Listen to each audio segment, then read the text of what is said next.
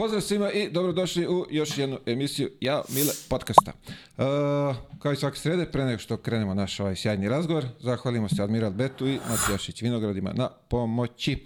Uh, ovako, imamo modbicu za podršku, da nas zapratite na ovim društvenim kanalima, bilo bi lepo. Uh, ako želite, nećemo vas maltretiramo. A ima nas na Instagramu, Twitteru, TikTok manje više, počeći da ga ugase, jel? Ovaj, ima nas tu, uglavnom u toj kratkoj formi, Facebook isto tamo, ali držimo se YouTube kanala, tu je sve ono što treba da vas zanima. A danas, uh, to jest večeras ili jutros, kako kome šta pada, u ovoj emisiji imat ćemo jednu nagradnu igricu. Zzz, ovako. Evo vidite, imamo, delimo patike Demi Lillarda. Broj, evo da vidite da su i nove, ima i etiketa, mirišu na novo, nije nošeno. 14 ili ti 49 i jedna trećina.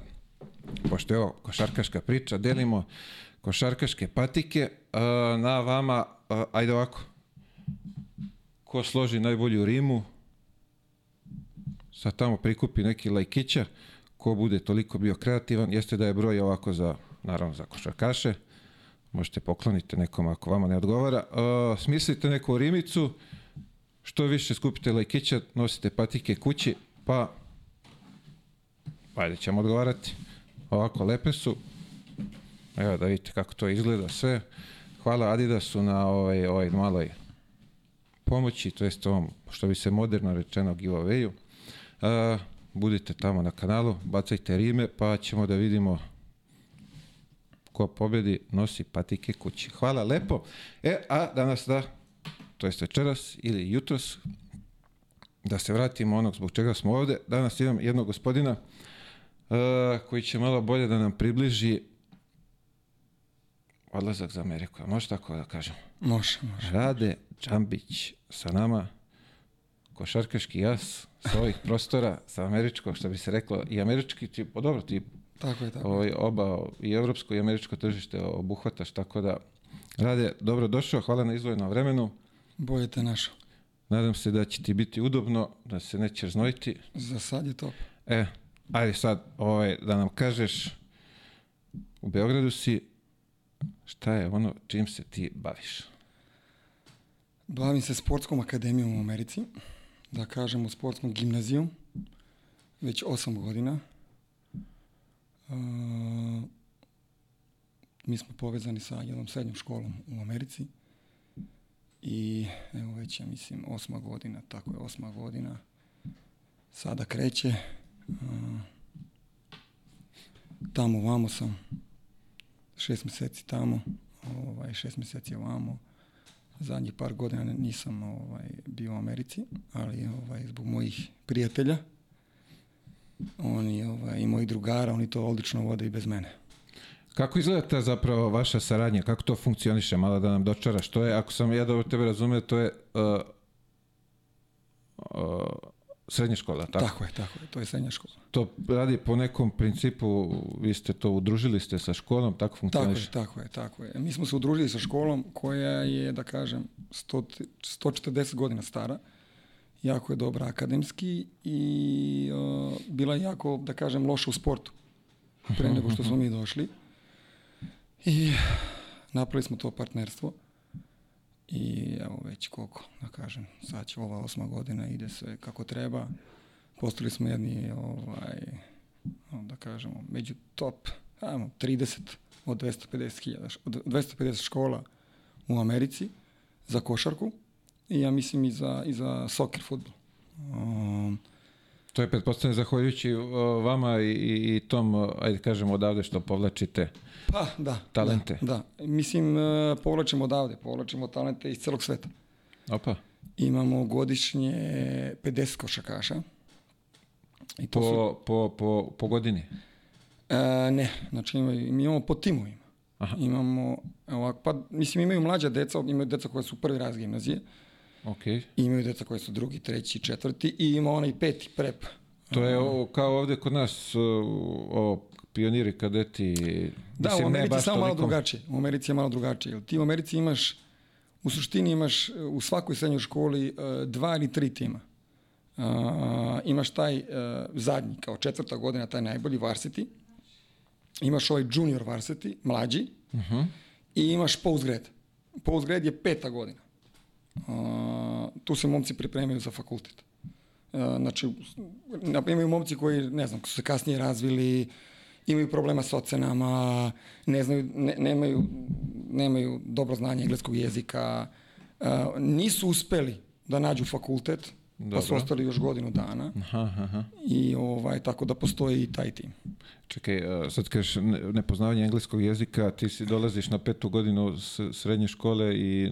Pa dobro, ako si to- stranac, ako si stranac, Kapiram, ako dolaziš direktno, ali ne Ako, da, na primjer, na ali- petu godinu. Pa da, ali imaju momci, na primjer, a, ti da bi se upisao na neki fakultet posle godinu dana, ako si dve godine u Americi u srednjoj školi, ne moraš da imaš ACT, Duolingo i TOEFL. To su testovi za ulaženje na fakultet. I sad momci dođu, o, budu godinu dana i on, na primjer, daću ti primjer jednog evo, sa vrhunskog košakaša, ovaj mali iz Tofaša, Edži Demir. Dobro. To je ovaj Afrikanac, 2.18, sad se prijavio za draft. On je trebao da ide na UCLA, nije mogao da položi Duolingo test i onda mu kažu, pošto mi je jako dobar prijatelj na UCLA, Ivo Simović je naš, naš trener, to dosta ljudi ne zna, ali ovaj, Ivo je kralj. I Ivo mi pozove i kaže, može da uzmeš ovog malog na prep godinu, na tu petu godinu. Ja kažem, što? Pa kaže, nije položio Duolingo. Treba da ima 120 na Duolingo. Mnogo, UCLA kao škola je mnogo, mnogo jaka akademski škola, iako je vrhunska košarkaški, ona je akademski top. I neće da ga prime, nema veze koliko je on vrhunski košarkaš. Wow. I ovaj, ja kažem, nema problema, sve ćemo to da završimo. A, međutim, mali ode u ambasadu, američku ambasadu, da uzme vizu i Amerikanci mu ne daju vizu. Ne daju mu vizu zato što je imigrirao u Tursku sa majkom.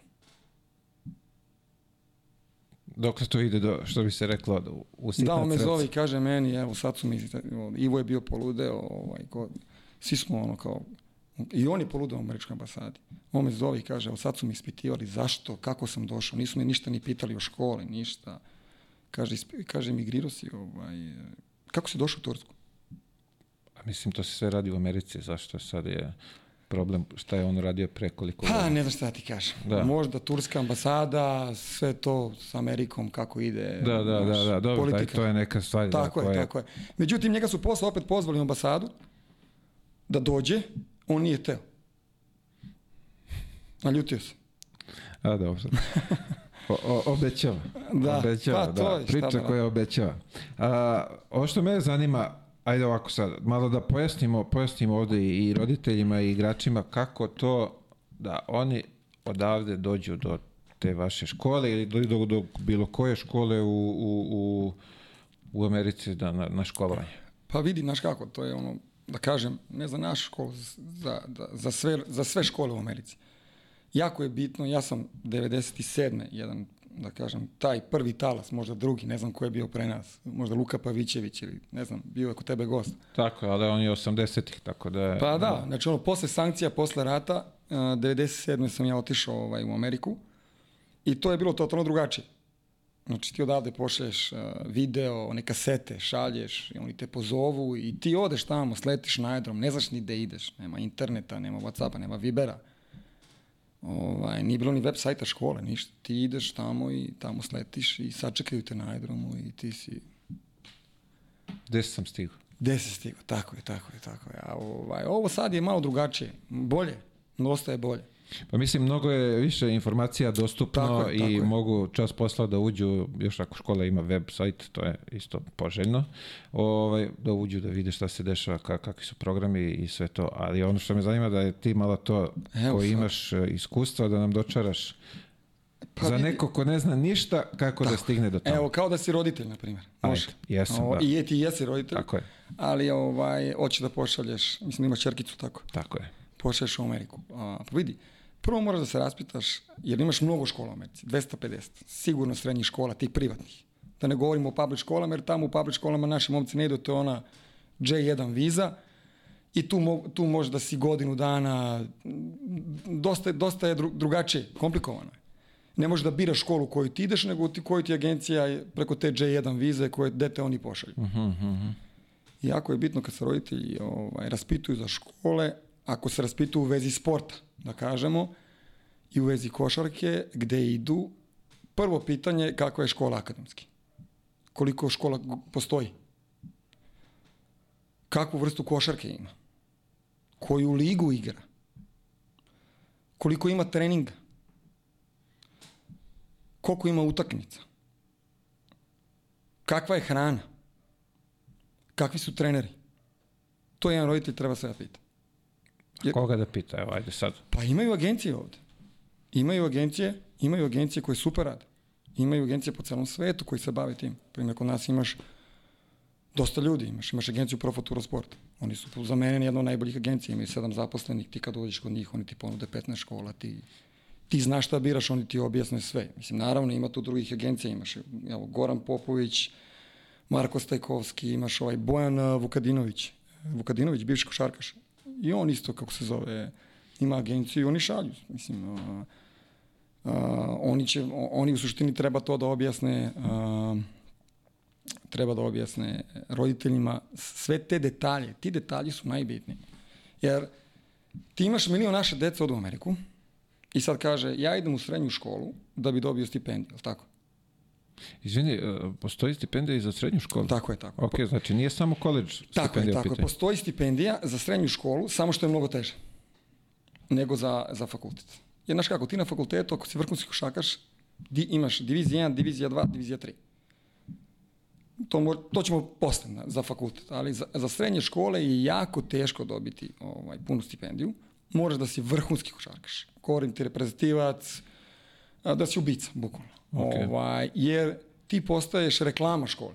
Uh -huh, uh -huh. Ti ako odeš na diviziju 1, ne znam, imaš, sad je to drugačije imaš ne znam koliko ovih pratilaca na Instagramu, budeš na ESPN-u, oni uvek kažu da, odakle ovo dete, iz koje srednje škole došlo.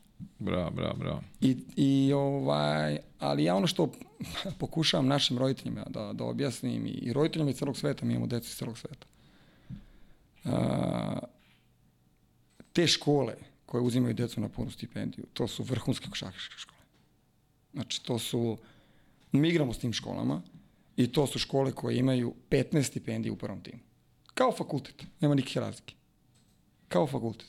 I zato ja uvek kažem, jako je teško, na primjer, moja škola daje stipendije, ovaj, jako je skupa škola, jer je privatna i sve obuhvata. Ono što sam ti rekao, obuhvata, e, mi smo samo prebacili ceo program, dogovorili smo sa školom, kakav je na faksu, kakav je na fakultetu. Sve što rade oni na fakultetu, radimo i mi. Znači, dva treninga dnevno, između je škola, tri obroka dnevno, uveče lights out 10.30 na spavanje svi. Pet, Opa. U 5.30, u 6 ustaň, trening, do 7, od 7 do 8 doručak, od 8 do pola 9 imaju onaj auditorijum, okupi se cijela škola, posle toga se ide na časove, od 12 do 1 je ručak, od 1 do 2.30 je uh, nastava, posle toga imaju odmor i u 6 sati od 6 do 8 imaju uh, timski trening. Pošto su u suštini ujutru su individualni trening. Mhm, Imaš, ne znam, mhm. sat vremena, 45 minuta individualnog rada, ako je jedan tim, sad dajem ti primer, 45 minuta su teretani i 45 minuta rada individualno u sali. Ova, I posle toga idu na doručak, tuširanje na doručak i tako je cela sezona, 10 meseci. I, ova, i, kad je, I kad krene sezona, da kažem, imamo 40 utakmica, imamo od, uh, ajde da kažem, septembra, od oktobra do kraja marta. Pa to je više nego što ovde u, odigraju u KLS ligi. Tako, i posle toga imamo spring break i posle toga imamo AU tim taj letnji i opet tu imamo jedno 15-20 utakmica. Ima i kao taj uh, Summer League, šta već? Pa da, to je taj EU njihov čuveni. Znači, igra se od uh, zadnje dva meseca, april, maj. Igra se i leti, ali u suštini naši klinci 90% ovaj, ne žele nego se vrate kući. Ovaj, jer u suštini mi smo... Zasite se verovatno od boravka tamo, pa... Pa da, hoće da vidu roditelji što je, što je sasvim normalno. Mada, mi imamo uh, dve nedelje odmora, skoro tri, u uh, decembar, od 15. decembra do, sad zavisi svake godine, do 8. Uh, januara, onda imaš dve i po nedelje na, u martu i imaš od 4. juna do 7. septembra. Imaš odmor, da kažem. Kao, što je u suštini i ovde. Dobro, ajde sad pri- pričaš o odmorima, e, verujem da je... e, Zasite se, deca. Kako? Zasite se, Ne, ne, zasite se to naravno, ali nije ni karta jeftina da oni može da se zaleti kući čas posla, znaš. Ovaj, Tako je, tako okay, treba imati i, i to u vidu da Tako je, tako je. To je skupo košta, što bi rekli ovaj, kod nas. A reci mi sad, pošto je ovdje kod nas svi žele da znaju koliko košta. O, je li tajna ta vaša škola cena, Ne, kako ne, ne, to ide, naravno, pošto se naravno. izneo sad ceo raspored, ka, kako se zašto, kreću, zašto ne, zašto ne. kako se kreću te cene, na primjer te je- jedne, jedne godine, to jest prvog razreda srednje škole. Pa vidi, a, naša škola je 64.000 dolara godinu dana. Mhm.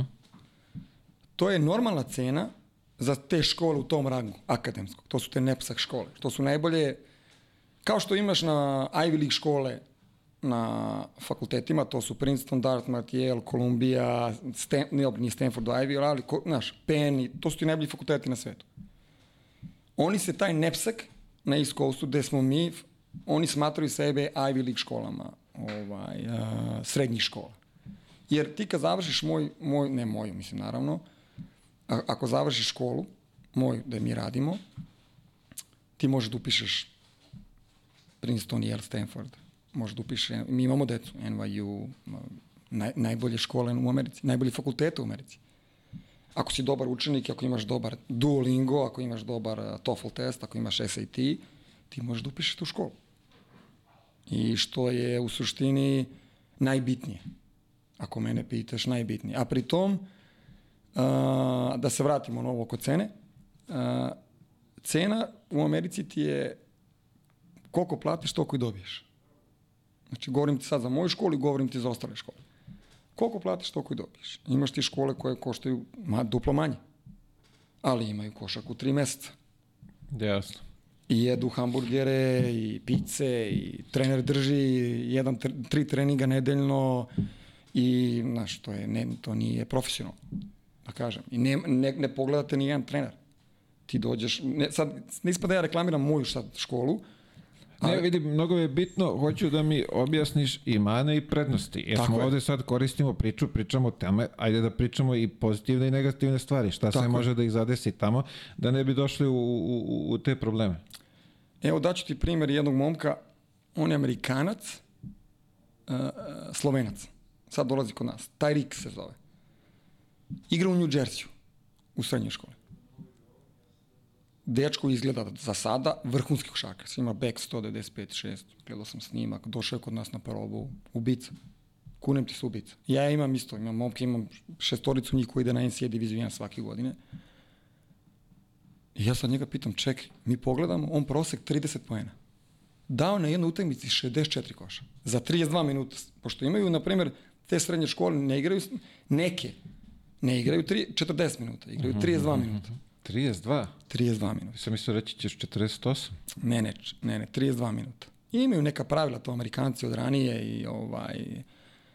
Zato je jako bitno to je koju ligu igraš, šta igraš. Jer, znaš kako, taj mali nije imao ni, ni jednu ponudu sa fakulteta.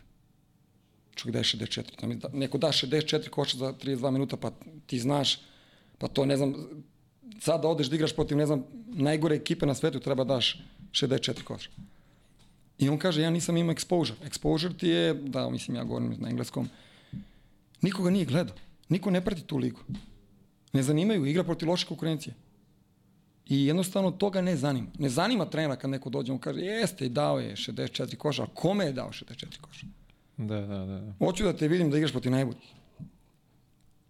I ovaj, to je jako bitno. Ti u Americi imaš dosta naše dece ide, ja vidim ovaj, uh, imaju neki, ne, naši klinici idu u dobre škole. Ovaj, neki idu, da kažem, odu, odu u Ameriku samo da bi otišli.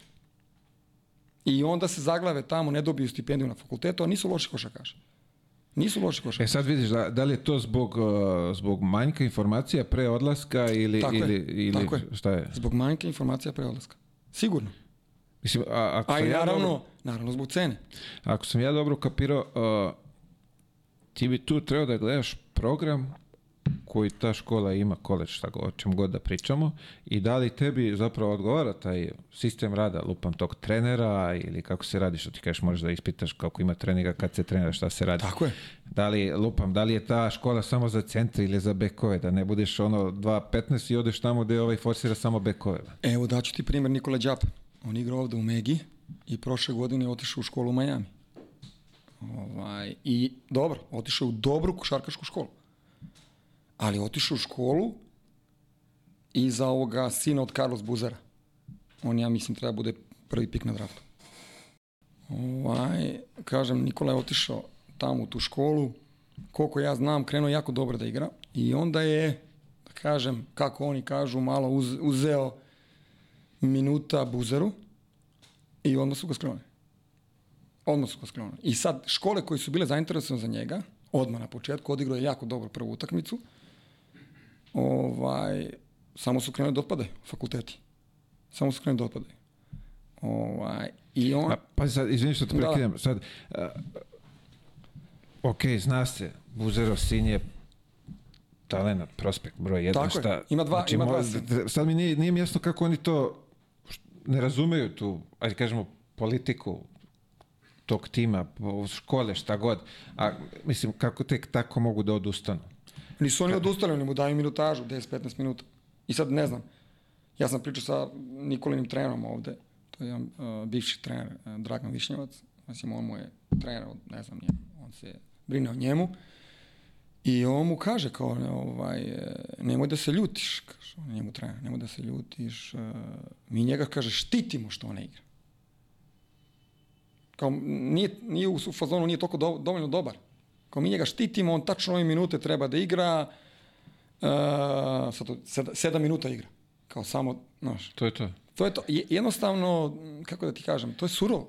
Ali pazi, sad opet kad kažeš to 7 minuta, uh, i NBA ti je isto, tačno se zna koliko, koliko igra, koji mi tačno, kad ulazi, kad izlazi. Tako da kapiram da to oni sve kopiraju i prebacuju na te škole. Pa, ne baš. Ne baš. Mislim, ako mene pitaš, uh, pazi, ti sad imaš lupeta, ima, i buzer ima, ok, bitne utakmice, sve ok. To mi, i na, na primer, sad ti govorim, kod mene u, kod, kod mene u školi, uh, mi ne, ne radimo to. Znaš koliko sam utakmica, znaš koliko smo utakmice izgubili? Zato što, ne znam, što bi ja sad igrao sve vreme šest najboljih? Što ne bi dao šansu nekom drugom detetu? Što on možda, možda će on dobiti stipendiju na fakultetu. Pa ko će da ti da stipendiju ako igraš 7 minuta? Ko će da ti da stipendiju? Da, to je onako, pri, a pri A- tome to nisu male stipendije, to su, pogotovo za koleđ, to je, to ozbiljne su cifre u pitanju. Tako je. A isto tako, čekaj, ok, kao, sad dođe trener s faksa i kaže, pa sviđa mi se ovaj. A kao, znaš, ne igra. Kod nas je dolazio, dolazio je trener, dođe, pošto mi najviše volimo na početku sezone da pozovemo te skaute pred sezonu. I to je jako, zato ja svako, de, deca koja dolaze kod nas, ja im kažem, me, molim te, 7. septembra u fullu. Celo eto treniraj kao da ti je zadnje. Što? 9. septembra je onaj live period, otvori se da imaju pravo. I bit će u sali, u tih 15 dana bit će 50 college scouta. Tako to ti je karta za, za sledeći, za I sledeću taj, stanicu. taj first impression, znači prvi utisak je jako bitan. I tu imaš ti pravo sad kao, ej, ja nisam igrao, ja sam igrao. E, tu se igra 5 na 5, mi, mi vas pustimo da igrate 5 na 5, 2 sata. Ne, on ne zna da li je ovaj bolji, da li je ova prva petorka, da li je ova druga petorka. On samo gleda i piše. I tu sam isto bio, šta sve oni pišu i šta sve gledaju oni, ja sam bio totalno van sebe. Van sebe sam bio, meni je to bilo... Sećam se jedne godine imali smo Max Klašnjaka, Slovenac. Sad je završio fakult, ig- igrao je na tamo na diviziji 1, promenio je dosta fakulteta, igrao je dobro. Šuter, dvojka. I dolazi trener sa University of Siena. Siena, divizija 1, top škola, i da ga gleda. Sad on je već njega vidio, ali sve to. I sad došao je tu i sad mi, i kreće utakmica. On ne može da ubaci u bazen. Znači, do tad nemaš i šest meseci Samo izlazi. To nije onako da se on ovaj, uh, uplaši. Onaš, neće, jednostavno neće i to ti. I ovaj, ja i Nemanja se gledamo i kažemo, ja, ode stipendija, znaš. Kao, uf. I završava se utakmica. Mi smoreni. Ja smoren, Nemanja smoren, mali Max smoren. Dolazi trener. Kao, to je to. Stvarno? Pa znaš mi kao, na, ni, danas mu je baš bio loš dan, ovo mu se nikad ne dešava, znaš. Kaže on, ma ne, to šutevi, to, to me ne zanima. I si vidio kako se bacio za loptu. I si vidio kad god je mašio nastavio da šutira. I si vidio kad je pao vaš ovaj Goran, ta smo Goran Miladinović, on, ga, on je bio prvi da ga podigne. Pa kad, si ga, kad ste ga izveli napolju, on nije imao sagnutu glavu. On je istrčao, seo na klupu, čim si ga ti pozvod da uđe, on je uletao u teren. On je to sve zapisao. Wow. I mi kao, ao, kao, brate. Znači, to je to. Dobio si stipendiju. Ali to je to, mislim, znaš kako, mi, to, tad, tad smo bili novi, sad sve znamo. Mislim, sve znamo, naravno, nikad ne znaš sve, ali... Ali imaš ti dece, na primjer, mi mislimo mali dobio stipendiju, dođe čovjek da ga gleda, mali razvali. Ubije 20 pojena, 10 asistencija, 5 skokova. I on kaže, posle toga kao, nije to to. A mi kao, šta nije to to? Ja sam bio odlepio. Evo ovaj klip može da isečeš ono kad stavljaš, ovaj, pošto gledam, pratim tebe. Ovaj, ubiće me ovaj, svi, ovaj, Ameri će me ubiti. Ja sam pre četiri godine isekao klip od Nikola Jokića, kad imao 17 godina. I ne piše Nikola Jokić. Igra Nikola Jokić protiv Zvezde u, ili FNP-a u, ovaj, tamo, u areni. U areni, tamo, u železniku. I nervirali su me svi ti, jer kad im šaljem decu i kad pitam, uzmi ovo, nije atletik, kao ne igra preko obruča, znaš, kao, pff, znaš, sta, sta, i to me iritira kod naših igrača. Ubije me to u pojam. Kad, znaš, nudim nekom igrača i kažem, dođi da viš ovog malog gesu, sam snima kao, naš, nije dovoljno atletičan, kao, znaš, ne znam kako će on da igra kod mene, znaš. I, i, sta, I stalno to, i stalno, ja sad ludim, ludim zbog toga i svi mi ludimo zbog toga. I ja pošaljem snimak jednom treneru koji mi ne rada, neću da govorim imena, pošaljem mu snimak Nikola Jokića.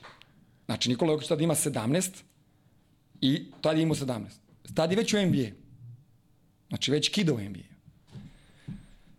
I ja mu kažem, ej, majstore, imam ovu klinice iz Amerike, aj pogledaj, molim te.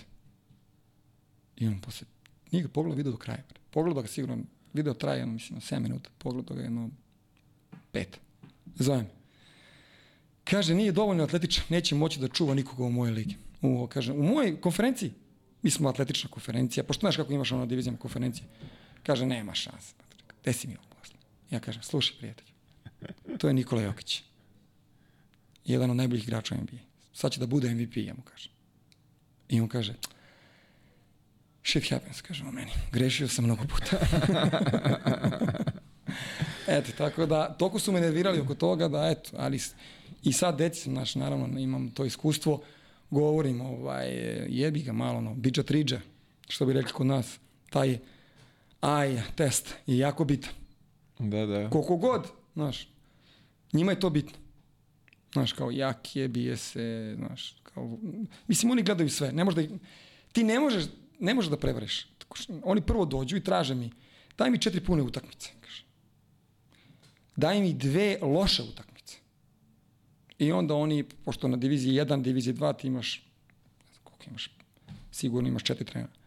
I onda oni sednu i gledaju njegove utakmice i njih četvorica odluči ovaj, da li će da ga uzme. Vidi, to je ozbiljna procedura, čovječe, to je ka... A u stvari, to je Pa neka... njima zavisi posao toga. Tako je, tako ja je. sam imao, ja sam imao uh, ovaj, um, trenera koji je dobio otkaz. Sad, da li je to zbog toga? On je doveo tri moje igrača na diviziju 1 i dobio otkaz. Doveo je dva Srbina i jednog Francuza. I igrali su prve dve godine top i zadnje dve godine nisu igrali. Uopšte nisu. Malo su nešto ulazili i ovaj mu rekao, vidi, uh, zednu si me s ovima ovim svojim igračima i sad da li je to zbog, zbog njega, ali sad tako, tako mi je on rekao, trener mi je rekao, a ovaj, baš ću ti reći za tog trenera, nije mi uopšte ovaj, mogu da kažem ti nemam taj filter. Ovaj, a, to je ovaj brat od uh, Dantonija ovog iz NBA. Mike D'Antonio. A ovaj je Den, tako? Ne znam, ne znam. Da, ja jeste. znam Den, samo njegov rođeni brat, njegov rođeni brat. I sad, a, bio je igrač kod nas a, Marko Šarenac. Bio je ovde juniorski predstivac, mislim da je bio sa Srbijom evropski prvak ovde. I on je došao kod nas. I sad on igra trojku, dva metra, dugačke noge, ma, mislim, vrhunski igrač. Vrhunski igrač. I hoće ga jedno, 10 fakulteta ga hoće. I dolaze oni da gledaju Marka. I ja sad, naravno, ja nisam trener, ja sedim tamo sa strane i sad sedne Dan D'Antoni, koji je bio u NBA-u, 20 godina je bio sa... I sad mi gledamo onako trening i on kaže, a Marko top. Kaže on meni, on će kod mene da playmakera. Ja sad sedim, pogledam ga i kažem, nema šanse. I kažem, on ne može da playmakera. I on mrtav ladan, onako, pošto ima 75 godina, onako, iz Teksasa je, Mislim, ima, ima karijeru iza sebe. I on kaže meni, pogledam ovako sa strane i kaže meni, a dobro, ti si, kaže, iskompleksiran, ti voliš mlade, ove, ove niž, niže playmakere, ti si bio, Majke. da, da, da, da. da. Kako kaže, ti je "Pa ne, časno, a?" Dobro, polako, polako, čekaj, završim priču. Čekaj da završim priču. I sad, tre, znaš, i on kaže meni, ovaj, ma da, ti voliš ove niske playmakere, ovaj Francus ti igra playmakera, kao, treba Marko da igra playmakera, znaš, kaže on. Reci tvom treneru, treba Marko da igra playmakera. I ja mu kažem, ček, ček, ček, ček. Ja kažem, jeli, a ti tvoj brat, kada ste imali ono najviše uspeha? On me onako pogleda. Ne razumem, kažem. Bi ti bio trener u NBA-u, tako sa, sa, sa bratom? On kaže, da, da, da. Pa ja kažem, za nisi imao najviše uspeha u Phoenix Sunsu? On kaže, Ja kažem, zamisli playmaker moje visine, s tim neš 188. I on ovako gleda. Ja kažem, ček, ček, gde ti je, gde ti je ovaj brat trener? U Houstonu ovih zadnjih godina. On kaže, da. Pa koga svaki godine izbaci iz play-offa? On me gleda. I kažem, pa Steph Curry. 188, isto koji ja. I ja, odlepio je. Nije, progo, nije progovorio do kraja. Ovaj, toliko je bio ljut da smo posle, ovaj, ja nisam morao sam da idem negde drugde zbog drugih timova. Nemanja je, ovaj, eh, mislim da su Nemanja, Nemanja je otišao sa njim, s tim pomoćnim trenerom. Otišli su na ručak, sad oni su kao došli kod nas u posetu, putovali su iz Teksasa, kaže Nemanja, on ne progovar. Ljuti kao ris i treba na kraju račun da se plati. I kaže Nemanja, vi ste naši gosti, došli ste da vidite naše igrače, mi ćemo, naš, mi, ja, ja plaćam. On kaže, Nemanja, ladan, kaže. E, ja ću da platim, kaže. Ipak, znaš, kao, sve kao uz dužno poštovanje, ali ipak ja zarađujem ovde najviše novca. Kaže Nemanja, super, baš mi je drago što ste tako uspešni, ali mi ovde plaćamo. Račun na mene. Tako je, tako je, tako. Dobro, vidiš, znači, malo si ga čačno ovaj, probudio si Tamo da ne treba. Da, da, je, jednostavno, znaš kako, ja nemam taj filter. Ovaj, kažem neke stvari što ne treba. O, tako i sa roditeljima. Koji, E, vidi, to je isto jedna onako škakljiva tema gde koji roditelji, hvala Bogu, mnogo očekuju. Ovaj, misle da Pa su vidi. deca njihova najbolja. ja sam roditelj i razumem ih. A, druga, da se vratimo na neko ma, malo ranije, da kažem, ono, old school, kad smo mi igrali. E, malo je bilo drugačije. Znaš, ti si... sa- Malo više. Da, da. Trener je bio... Trener je Bog- Bog i bio- batina. Bog i batina. Kakav roditelj njemu nešto da kaže u ono vreme. Pazi, meni je trener bio, to možemo posle, ovaj, Tomislav Ilaret, pokojni moj kum, on me venčao. On je mene tukao. Da mi nije bilo njega, pa ja ne bi, ne, ne znam šta. Mislim, meni je, mislim, mogo je otac i majka da mi kažu šta god hoće. Naravno, ovaj, naravno da sam slušao, ali njegovo. Kad mi Toma kaže, i Toma i čuveni Pujki iz mladosti, Puja, znaš, kad mi njih dvojica nešto kažu, kraj. To je to. Kao džambo nećeš igrati, nema da završiš ovo. Silo, idem da učim. Šta, šta treba da radim? Nosim džakove. Kao nećeš igrati, super, besećeš na klupi. Ti kraj priča. Mene je Toma, sećam se, ne znam šta sam uradio, imao sam neke jedinice. Ovaj, iako sam uvijek bio dobar š- bio sam odličan. Ali krenuo sam to malo društvo, gimnazija, ono, znaš, sportska gimnazija, ne treba puno se uči. Mislim da ću da budem vrhunski košarkaš. Užas. Pa u suštini ja sam ti najgori košarkaš koga si pozvao. Ali kažem, ti treneri tog, ono, i oni me, to me pozvali, prebije me. Prebije me. Zamisli sad, zamisli sad ja neku da prebijem. Ili ne znam, moj trener ili ne znam koga, da prebije nekog igrača. Zbog ocena u školi. Zbog ocena u školi. Toma me išamano, sećam se, zujela mi glava dva dana. Kao šta glumiš šmekeru, ovo, kraj priče. Sutra dan, ceo dan kući. Resetovanje, Resetovanje, fabričko te, izbacit ću te iz tima. Mislim, e, me razumeš, to je, to je resetovanje. To je, I stvarno to treba poštovati. To, mislim, naravno, deca, mislim, sad ja kad bi prebio nekog ili neki trener u Americi, mislim, ti u Americi imaš, jako je teško imati to ovaj, sa, sa decom. To kod nas još ima, ali u Americi mi moramo ozbiljno da pazimo šta govorimo. Ja sam to, iskori, ja sam to iskoristio na faksu i u srednjoj školi. Iskoristio si. Iskoristio sam to u svoju korist. I ja govorim svoj, deci ove koja dođu, ja kažem kad izlaziš, pitaš što izlaziš. Samo nema da pitaš što dođu kao šta me vadiš. Sediš na klupu, time out, polovreme, dođeš kažeš kao treneru, izvinjam se, ovaj, e, što ste mi izvadili? A ti znaš u to vreme naše, zamisli, pitaš neko što ste izvadili. Tek onda ne igraš. E, ali ja to volim. Evo ga ovaj mali još i pita. šta pitaš ti? Ajde beži, znaš, u fazonu, gotovo sad. A ovaj, mi ja, ja, i svi moji treneri, i Nemanja, i Jaca, i Filip, i Noa, ovaj, uh, imaju to razumevanje.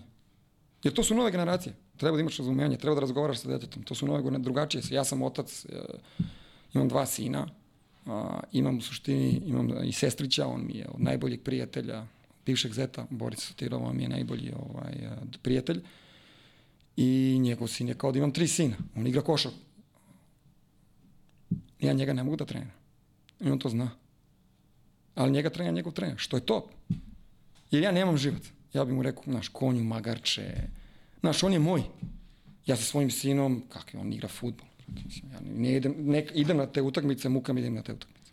Veruj mi, muka mi je. Iako je on, ono, super je dete, ono, nije nešto, znaš, nije sad vrhunski učenik, ali trena dva put dnevno ide, ne, ne, ne izlazi, ne puši, znaš, sad što je sad u ovo vreme najbitnije. Da, da.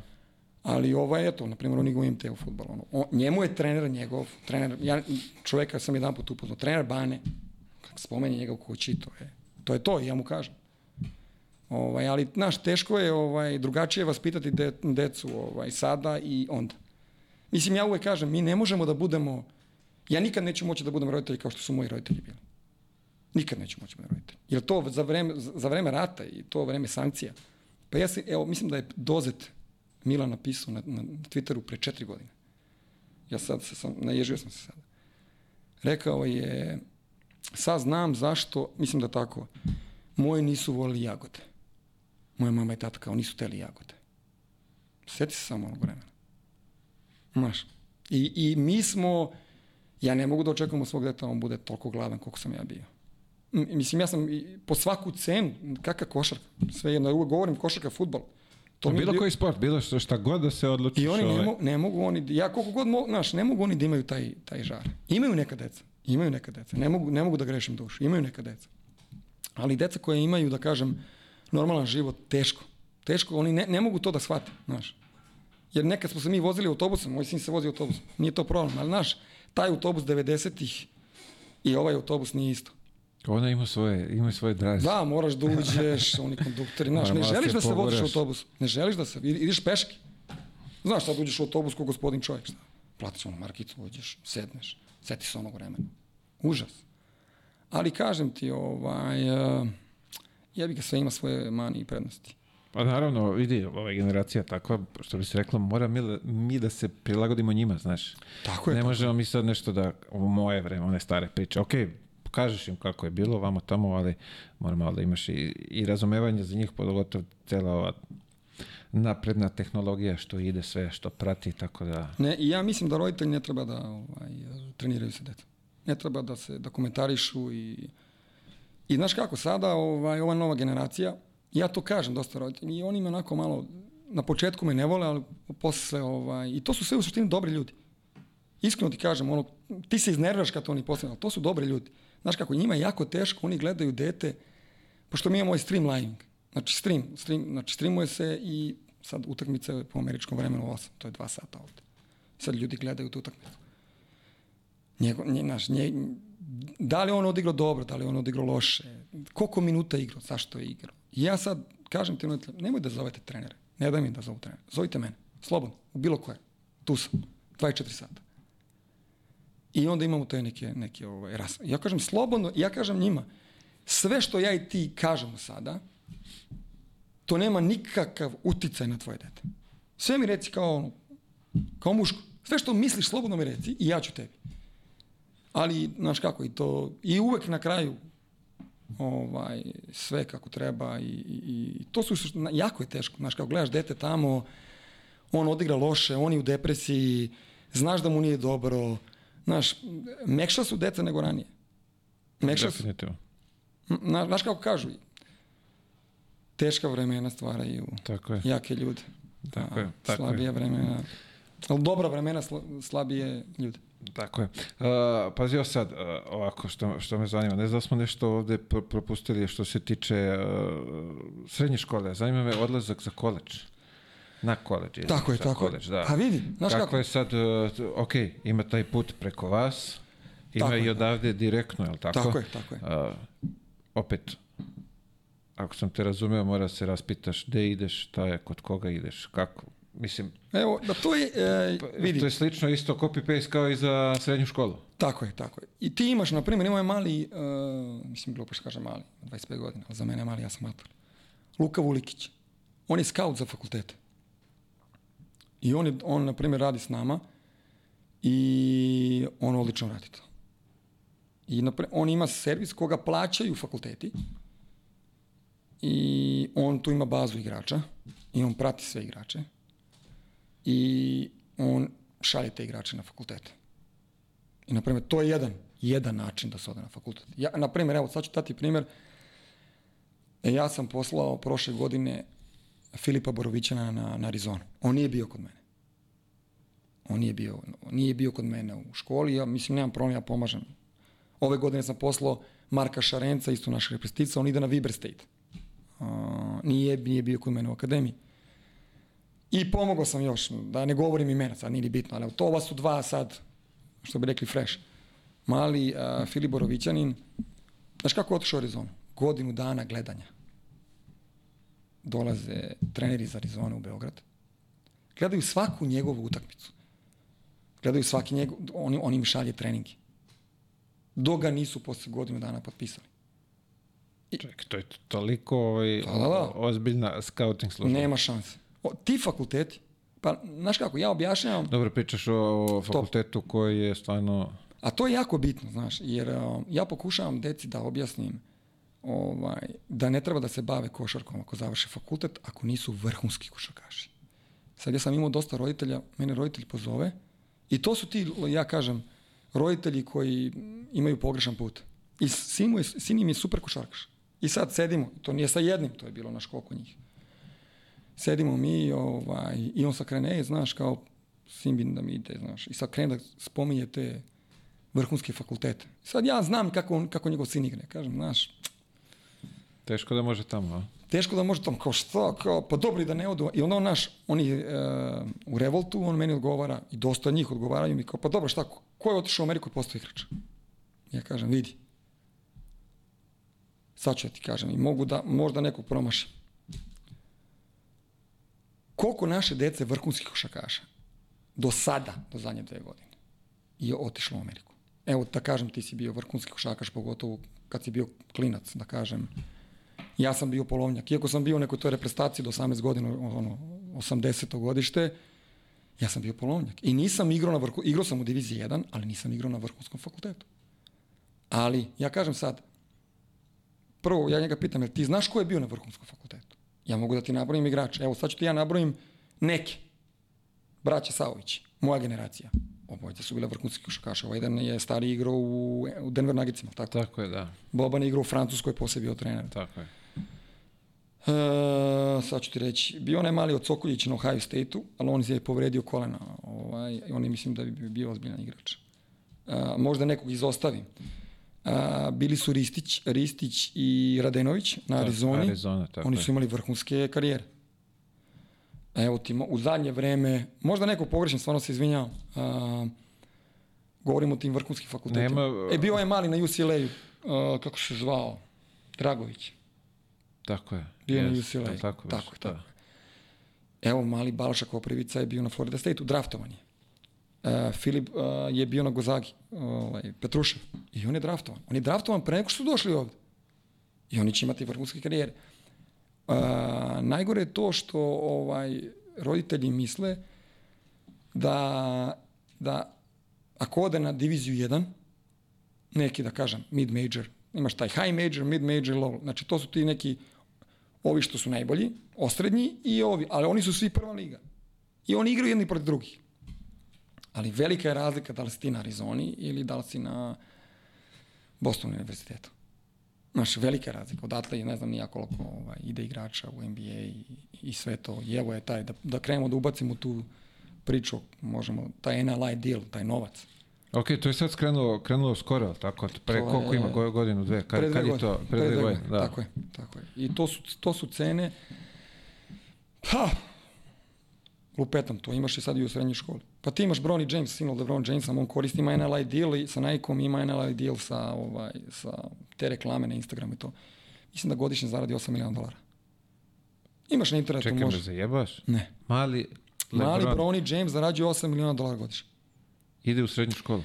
Da, zato sad je upis, sad je mislim otišao na ovaj fakultet, USC, tako je, tako je. E gledaj sad, a, on ima Instagram. I on reklamira proizvode na njegovom Instagramu. NLI deal. Naj, sad, ti ranije nisi mogao da imaš YouTube kanal, nisi mogao da ga imaš i da koristiš svoje ime.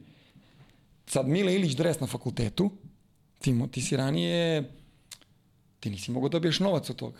A sada je, ti sad kad prodaju uh, Ilić pozadi, Okej, ti okej. dobijaš novac od toga. Či to, to bukvalno kao i NBA-u su prepisali Bukvalno kao da, NBA, pravo tako. kako se već zove to, da, Tako je. E, ali znaš šta je sad problem? Što ljudi kreću da, znaš, to su vrhunski fakulteti. Mali Filiborović nije dobio NLI deal. Na, sad, neću da... Dobio je Ok, kao da- jedan, da kažem, evroligaški igrač. Eto.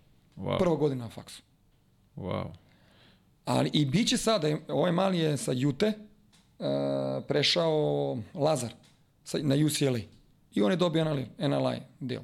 Sad ne znam koliko je dobio. Znači, t- e, sad opet, znači, ako ja dobro kapiram, ti moraš da budeš, ok, medijski eksponiran, jel tako, Tako je, možeš da tako imaš te društvene mreže da pucaju, tako je. bez da se kupe ovi pratioci, o, da bi imalo smisla da dobijaš taj... Ili dođe Nike, bude ti sponsor, dođe neka, neka firma, bude ti sponsor i ti. Ujedno moraš budeš i vrhunski talent. Ne, vrhunski. Znači, ne možeš je- samo na osnovu Ne. Instagrama dobiti... Tako je, tako je, tako je. Pa imaš ti te klinci, ne znam, onaj Mikey James i onaj, ne znam, Mikey Williams i ovi, to oni već dve, tri godine u srednjoj školi. Imao si one dve devojčice za američki futbal, dve bliznjakinje u LA-u. Nike ih je potpisao, dobili su 2 miliona dolara. Po milion dolara je dobila svaka sestra. A bile su, igraju a, ovaj, futbal naš, soker, ajde kako već. Čekaj, ma se jebeš, Ne, ne, ne, u srednju sve na školu. internetu. Da, da, da, to je pa, show. I ono što mi je rekao trener, jedan, kaže sad su, sad smo baš ovaj pričali i on mi kaže sad su svi ovi iz Evrope hoće NLI deal. Znaš, kaže. A, Misle da će tako lako. da, a u suštini NLI deal daju samo te najbolje škole. Ti ne možeš dobiješ NLI deal, uh, možeš dobiješ neki NLI deal, to je ono smešno. Ne možeš dobiješ ko što dobiješ na tim top fakultetima. A, treba, a ja ne znam koja, na, koja, koja su naša deca, naš, mislim, naravno mi imamo, ali naša deca su igrala profesionalno. Ta što su najbolja, oni igraju profesionalno. Njih potpišu ovaj, e, Klubovi ovde, da. klubovi, oni završe. Čekaj, bukvalno oni kad po, potpišu profi ovde, oni nemaju pravo više za koleđ, jel tako beš? Ili moraju one penale, to sad? Imaju neki penali, da, da, imaju neki penali. Možda bude suspendovan, ali ako je potpisao neki ozbiljan ugovor, kraj. Nema šanse. Znači, opet treba voditi računa i o tome kad Tako ideš je. tamo. Kada... Tako. Mislim, mnogo mi je bitno da što više nam informacija daš ovde, jer evo, ti sad, je, jednu- sad je kraj godine, jel tako sad ide ovaj kraj godine. Da, sad je ludilo. se, ne znam, ka- kad se aplicira uopšte za, za koleđ? Zavisi koje fakultete. Evo, na primjer, mi imamo... Evo sad, na primjer, evo mi ovo ćemo emitujemo Pa- sad u, u ovaj maj, jel tako? Tako je. Jer su negde zatvorena vrata Nisu, ili... nisu. Za vrhunske igrače nigde nisu zatvorena vrata. Odmah ću ti reći. Osim na fakultetama kao što su Ivy League škole, a, to su Princeton, Yale, Dartmouth, a, Columbia, Da, A, tamo ne ideš zbog uh, zbog basketa. košarka. ti Ali, su, ali prva liga su. Znači, NCAA divizija 1. I ti igraš poti. Pa sad je ove godine Princeton izbacio Arizonu. Opa. I posle toga su još nekog izbacili. To je, i, I tu je vrhunska košarka. A samo to ljudi ne shvataju. I tu je ozbiljna košarka. Ako si gledao March Madness, Princeton je oduo Arizonu. Nisam, nisam gledao, tako da ne mogu da ti budem sagovornik. Ali, na primjer, evo šta ti sad, šta mi sad, mnogo Amerikanaca dobija NLA deal. I ja sad razgovaram s ovim jednim trenerom a, i, i on mi kaže, znaš šta, a, ja, imaju neki klinci koji, mi, koji su mi ono mačka u džaku iz Evrope. Treba da im na, on je pomoći trener, on je taj koji, do, koji kaže treneru uglavnom, e, ovog ćemo, i sad vidi, ako ga glavni trener dovede, a ovaj nije taj, dobije NLI deal. Da, da, da. Dobije otkaz 100%, ovo ćete reći. Ozbiljne, u tim velikim školama. Vidi, to su sad veliki novci u pitanju i, i ozbiljna je i scouting služba i sve to da bi se...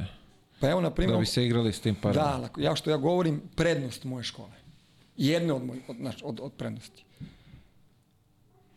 Ti igraš u najbolje ligi u Ameriki.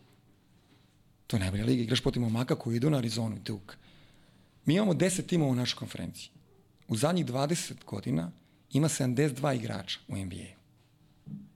Iz, od 10 timova u mojej konferenciji.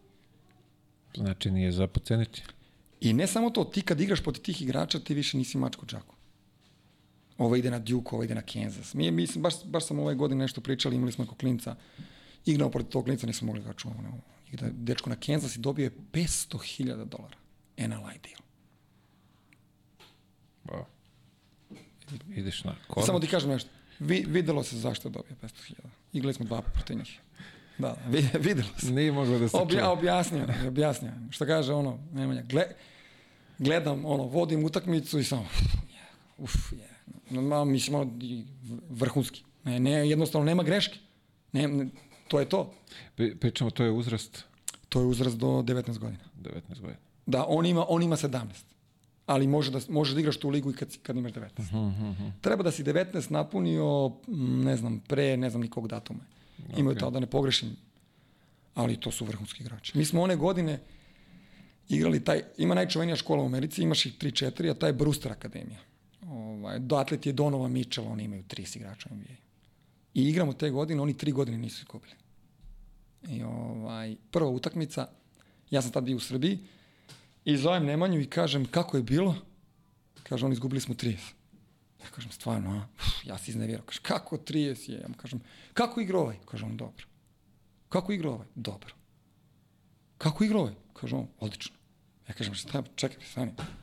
Kako smo izgubili 30? Kako smo izgubili 30? Kaže, brate, ne pitaj. Kaže, znaš kakvi su igrači. I sad drugi, u drugom delu igramo sa njima I ovaj, uh, naravno, Neca, mag košarke, napravimo ono neku seljačku. Ovaj, tarabu neku zanova. Tarabu, da, da.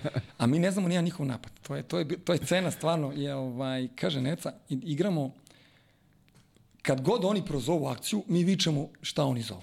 Mi ne znamo nijednu. I ovaj, oni viču fist, mi, naš, naš playmaker, i mi svi sklupe kao fist, fist, znaš. Oni, a ovaj njihov trener, kao fist, kao meni, znaš. Mislim, to je bio show.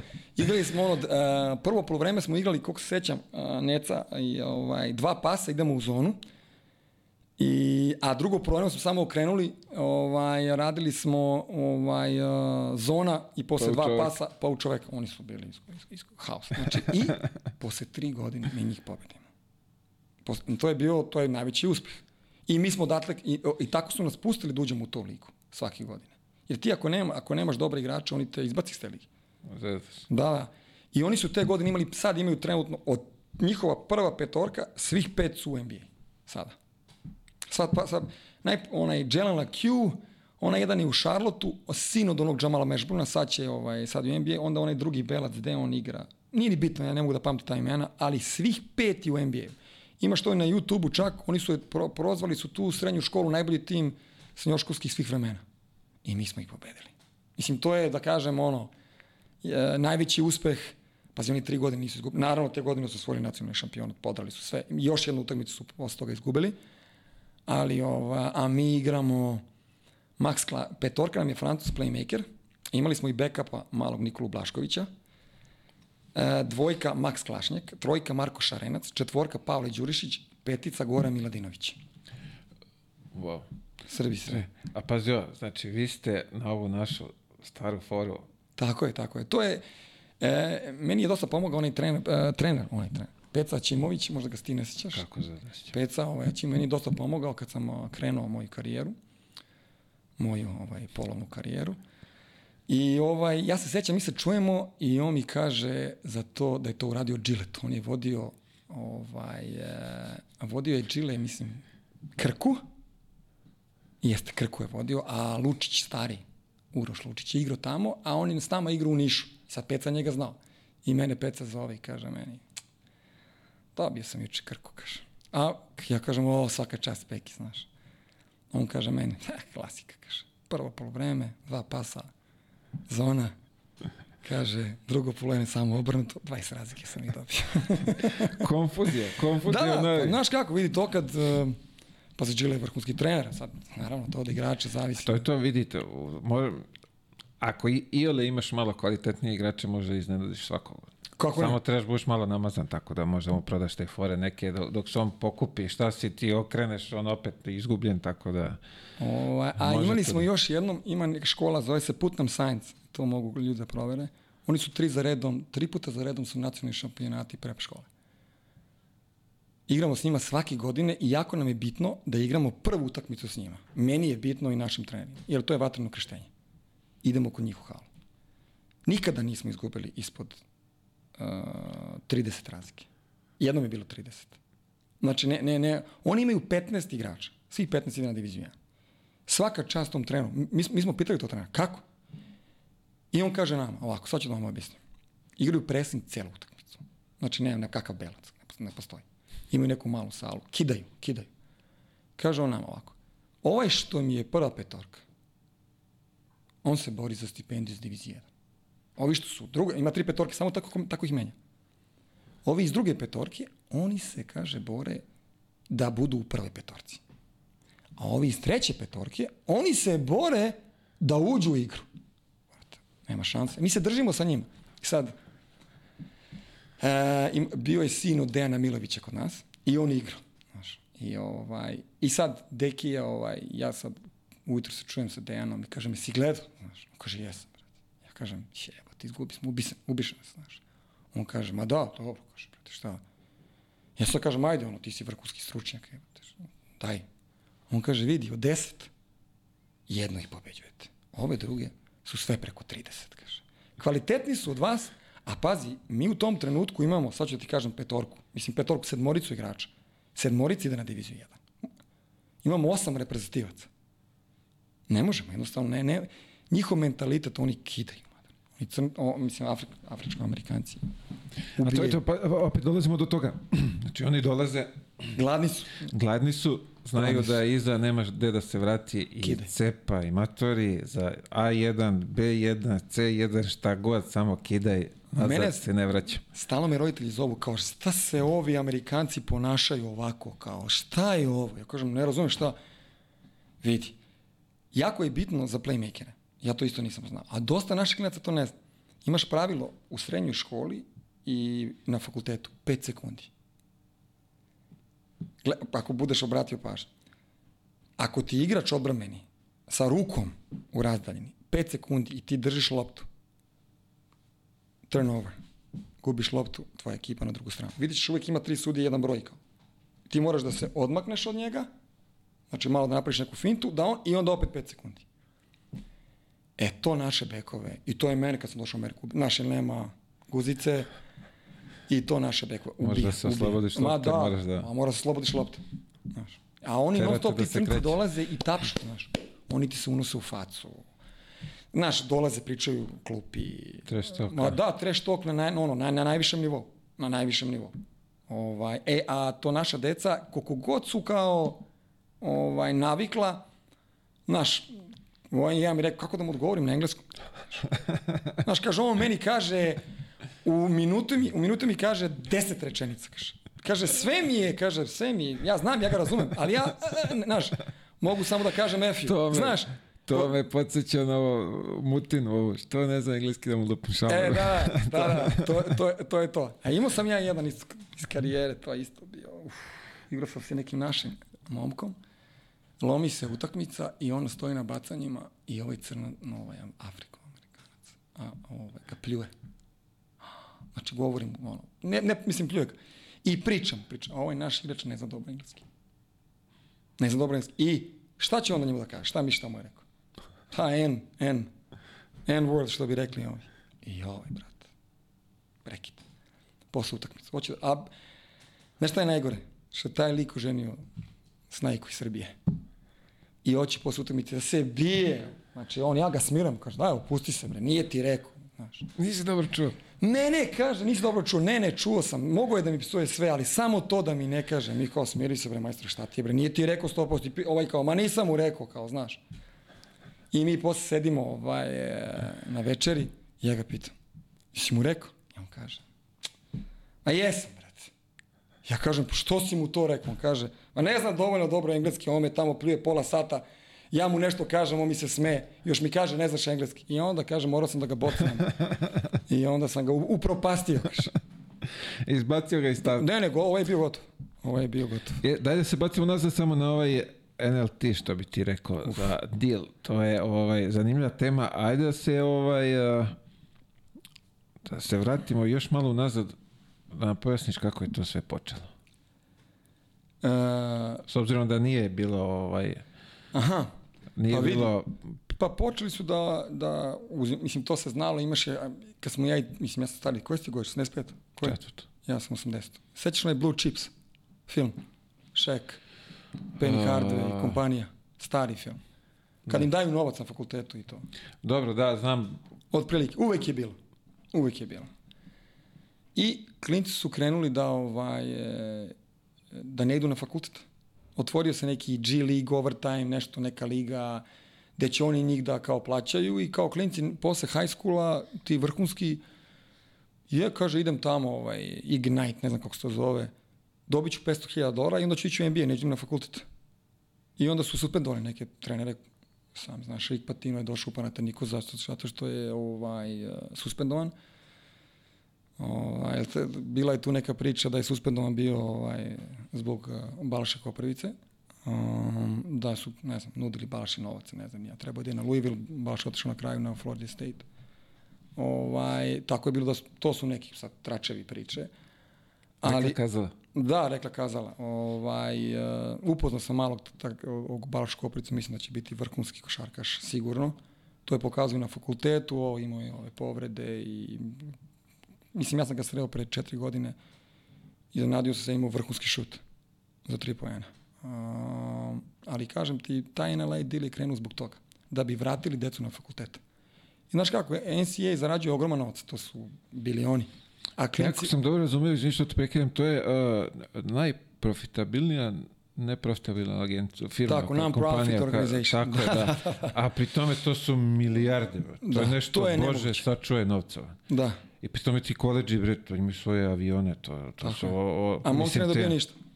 E, da, i zbog toga je mi ispada ta cela pizdarija, jer su im, svi su dobijali. Ja mislim da je i Lebron, bre, nešto su mu... Ma naravno. I kola, i ovamo, i onamo. Pa Boban Savović i kažu za njega da je do, sad za Bobana, njegov trener je bio sa Ohio State-a suspendovan posle 10 godina, sad možda greši, da kad je on otišao na Ohio State. Da su našli nešto da je Boban tako nešto, nešto primio, otkud znam. Mislim, to su, to su rekla kazali, ne, ne, naš, to su- ne, ne mogu kažem, nisu to činjenice. Ali znam da mu je trener bio izbačen s fakulteta. I bilo je na ESPN-u da je izbačen zato što je kao Bobanu su dali neke, dao neki novac da Boban ode na, jer je Boban bio tada u Srbiji bio najbolji igrač. Sećam se, on s Beovukom, on je radio šta je teo, on je stario mene godinu dana, ovaj, on je radio šta je teo. To s Beovukom. Dobro, oni su sad samo evo, onako nekako legalizovali to sve Tako je, da, da, tako je, da tako je. evo, Imaju i ti Kintaj- boosteri, imaju ti boosteri fakulteta koji su eto kao pomažu fakultetu i sad taj NLI deal se dobija tako isto, na primjer, ako neko nije marketiški dobar, evo da, daću ti primjer Filipa Borovićanina, oni mu naprave neke kampove Filip Borovićani. 3-4 kampa godišnje. I tu dođe sad, ne znam, po kampu 100 deca. Aha, Da- dajem i tu primjer. uzme kinto od toga kao. Da, da, da, da. Ako nije dovoljno, ali mislim, on možda koristi Instagram na svoj YouTube kanal i to. Ta, to ovi drugi klinci rade. Kapiram, da. Da. Mislim, ok, evo sad je otvorena ova mogućnost, vidiš, ti čovječ sad pričaš o tome, Znači, klinac bukvalno sa 18 godina može da ode uzme veće pare nego što bi Tako je. ovdje gulio ne znam nije koliko godina po ovim. Ako Apsolutno. ako je talentovan, naravno, ne za svakog. Nema Pa za naš, svakog. sad svi misle da mogu. Tako Znaš je. kako je. Mislim, mnogo je bitno da i razumeju priču da ne sanjaju da će otići tamo i uzeti 500.000, milion, dva od toga, jer O. prijatelju ima tamo još milijardu ovih koji čekaju Pa ono što sam ti pričao kad se svađam sa roditeljima nekim kad, za tu decu koji misle da su im deca vrh- vrhunski košarkaši. Sad, kad kažu kao, pa dobro, ovi nisu bili, ovi što su bili vrhunski i ovi što su kao ja otišli i završili tamo fakultet. I sad ja njemu kažem, ako sad ću da ti objasnim, ovaj, zar nije bolje za tvoje dete da ide na Princeton nego da ide na Arizonu? I on kaže meni, kako? Pa ti kad završiš Princeton, ti imaš NLI deal do kraja života. Ja kažem, evo daću ti ja sad primjer, ja nisam išao na Princeton, završio sam MIT, dobra škola u Njorku. I daću ti moje drugove iz Srbije, moja generacija, koja je otišla sa mnom i koja se vratila. Evo ga, moj kum Nemanja Krečković, sin od bivšeg košakaša Zvona Krečkovića, direktor, neću govorim šta, ali direktor, znači, ozbiljno, u ozbiljnoj firmi. Đorđe Lukić, jedan od mojih najboljih isto prijatelja, vlasnik banke, Adriatic Bank, sponsor Partizana. Oni, oni, su, oni su čak i, oni su sa mnom otišli. Evo, a, znači, evo, Milija isto. Otišao je sa mnom, ovaj, a, on je došao godinu dana pre mene, njegov sin je kod mene tamo, isto je. Živeo u Moskvi, živeo je, a, sad živi u Mexico City. Njegova firma plaća za njegovo dete kod mene. Koliko je bitno samo ta diploma. Tako je, Miloš Cerović i, i, i Božidar su s nama ovaj, išli sa mnom u razred u sportsku gimnaziju. Oni imaju firmu koja je glavna za, za Radisson hotele, za ne znam još koje hotele, da ne pogrešim, ozbiljni, na, na, možda najbolji u Evropi. A, ovaj, a da ti ne pričam moja petorka sa NYIT-a. Znači ja sam igrao i diviziju 1 i diviziju 2 i zadnju godinu sam igrao diviziju 2. Bio sam suspendovan, jer sam nešto došao pola godina ovde, a, bio sam u Kraljevu kod Boška Đokića.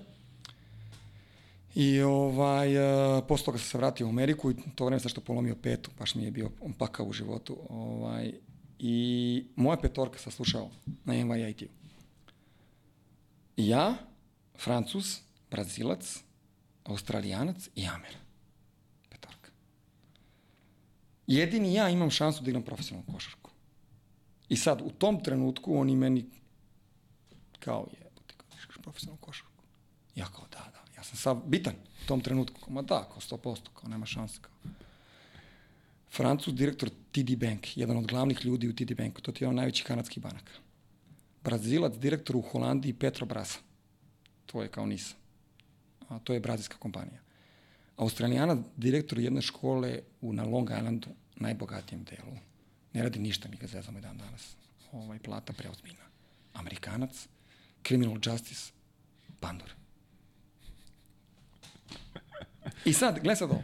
I ja sam krenuo sa 25 godina da na košarku. I ja kad sam završio, ok, kao zaradio sam jedan stan, potrošio sam. Super je što sam im dobio mlad porodicu. Jer bi potrošio te pare. Sigurno bi potrošio. Išao bi na Ibicu, išao bi na, ne znam, ono, kao što su i ovi, dosta njih, nego neće da priznaju. A,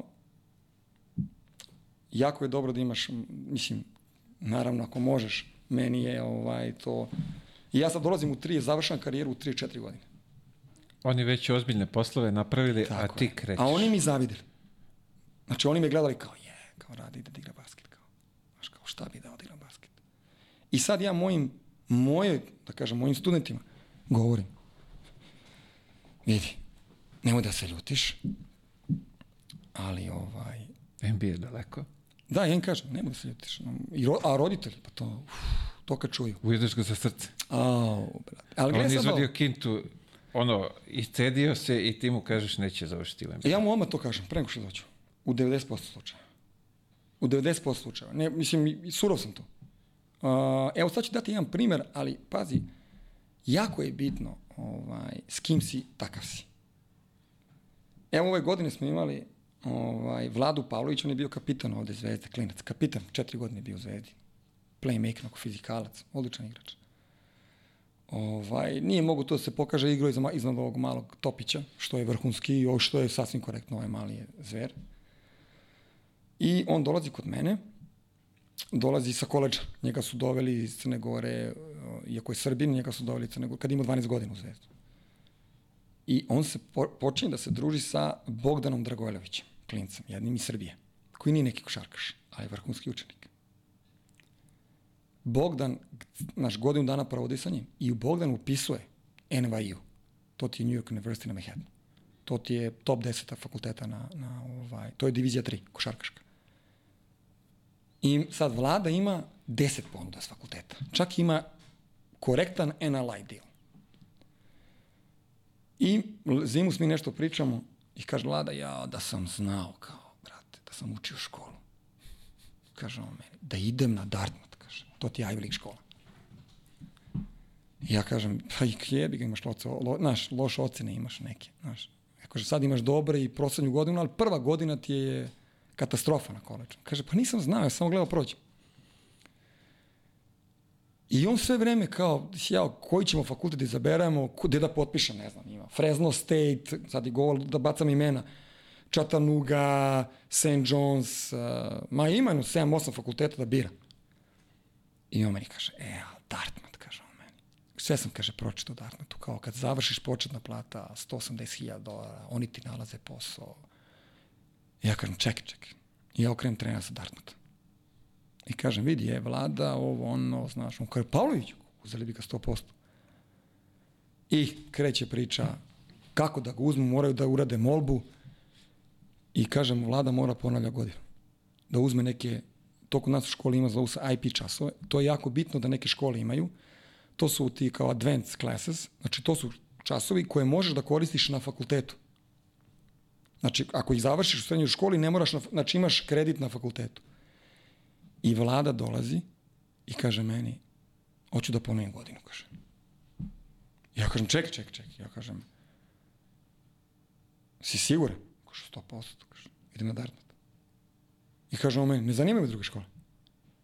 I sledeće godine vlada se vraća kod nas, uzima sve te časove, mora da ih prođe, ubiće se od učenja. Čovjek ide na Dartmouth. I on, kad završi Dartmouth, ima NLA deal do kraja, do kraja života. Do kraja, bukvalno do kraja života. To je ono što ajde ovde, ovde i trudimo se malo da pričamo. Ko... Skačemo s teme na temu. Ne Dobro. to, nego, no, vidi, kažem, koristimo sad temu da ispričamo kako jeste tamo i šta, šta mogu da očekuju, ali ono što je veoma bitna stavka, karijera ti traje do 30. Ko, se, ko izdrži do 35, taj je napravio dobru karijeru, ali to posle karijere mnogo bitno, zato je Ne, ovi kao ja, polovnjaci. napraviš, završiš školu, diplomu imaš, možeš odmah ako ti se ne igra basket ili šta god, mnogo je bitno da si s tom diplomom Ja da nisam imao tu diplomu i ne- koristim, da kažem, kad sam otvarali tu firmu, na primjer, meni su mnogo pomogli uh, u ono vreme prijatelji moji, Srbi, koje sam ja upoznao, oni su mi sad i kumovi. Oni su mi mnogo pomogli. Moj uh, trener koji me za vreme bombardovanja usvojio i direktorka moje škole su mi pomogli da otvorim ovo što imam. I, ja, i ja, jako su bitni ti kontakti koji ostvariš tamo. Tako je, vidi sama ta uh, konekcija svih tih ljudi, nova kultura, novo, novo sve, školovanje, sve ti to, što bi se reklo, malo otvara te tvoje vidike, drugačije gledaš na, na, na svet, na, na svet. I mislim da je dobra stvar ko se odluči za to. Uh, daj mi ovako, izbaci mi prednosti i mane koleđa. Pa, mislim preda- školovanje u Americi kao u, Pa vidi. u, u Školovanje u Americi prednosti i mane. Prednosti si upoznaćeš drugu kulturu, uh, dobit ćeš dosta kon, znači, životnih kontakta, da kažem. Uh, igraćeš košarku i završit ćeš školu. I bit ćeš taj neki, da kažem, najlepši život, studentski život. To je najlepši život. To je, živiš na kampusu, 20.000 ljudi, svi tvoje godište, dole, gore godinu, pogotovo ako si košarkaš, ti, ti si NBA zvezda. Znaš, šta, znaš koja je razlika između zvezde na fakultetu i zvezde na, na, na NBA? Pa to je, ti si veća zvezda na fakultetu nego što su NBA. Sigurno. Evo, pita neke momke koji su igrali na tim ozbiljnim fakultetima. Ti si, ti ono, ideš kampusom, tebe gledaju svi. Znaš, ti si, ti si taj. Evo ga rad, evo ga Da, da, da, da. Ja, je, vidi, barem sam nešto imao u A, karijeri. išao malo? Da, da, Je, kako malo. ne, pa ti znaš, ti, mi smo i playmakeri, mi smo pevci. Znaš, kako se zove, mi se uvek durimo, moramo, znaš. Uvek, uvek, uvek. Ovaj, ali kažem ti, imaju te prednosti, znači ono, Šta su mane? pa mani su, znaš kako, odlaziš od kuće, da kažemo, to može biti i mana i, i plus. Ali nisi sa svojom porodicom. Sad upetam, imaš sestru. Ja sam imao sestru. Ili imaš brata. Ti ga ostavljaš, ne znam, kreneš u srednju školu. Ja sam krenuo, ja sam otišao u srednju školu. Ja sam otišao u srednju školu, pa bio na prebe godine, pa bio tamo na fakultetu. I sad ti, znaš, Viđaš ih ako si na fakultetu, mesec i po dana godišnje. Ako si košarkaš. Ako nisi, onda dva i po meseca. Ali opet to je i prilika da sazreš, Tako je. Ne, ne, kod malo nas... život shvatiš ozbiljnije. A sigurno, ja sam imao, ja sam imao ovaj, naj, najbolji kompliment kad mi kaže roditelj i meni je sin otišao kao dečak, a vratio se kao čovjek. Jer kod nas nameštaš sobu, pereš svoje stvari, moraš svaki dan da si u odelu, u školi mora nosi odelu, kravatu ili leptir mašnu ili ro, rolku.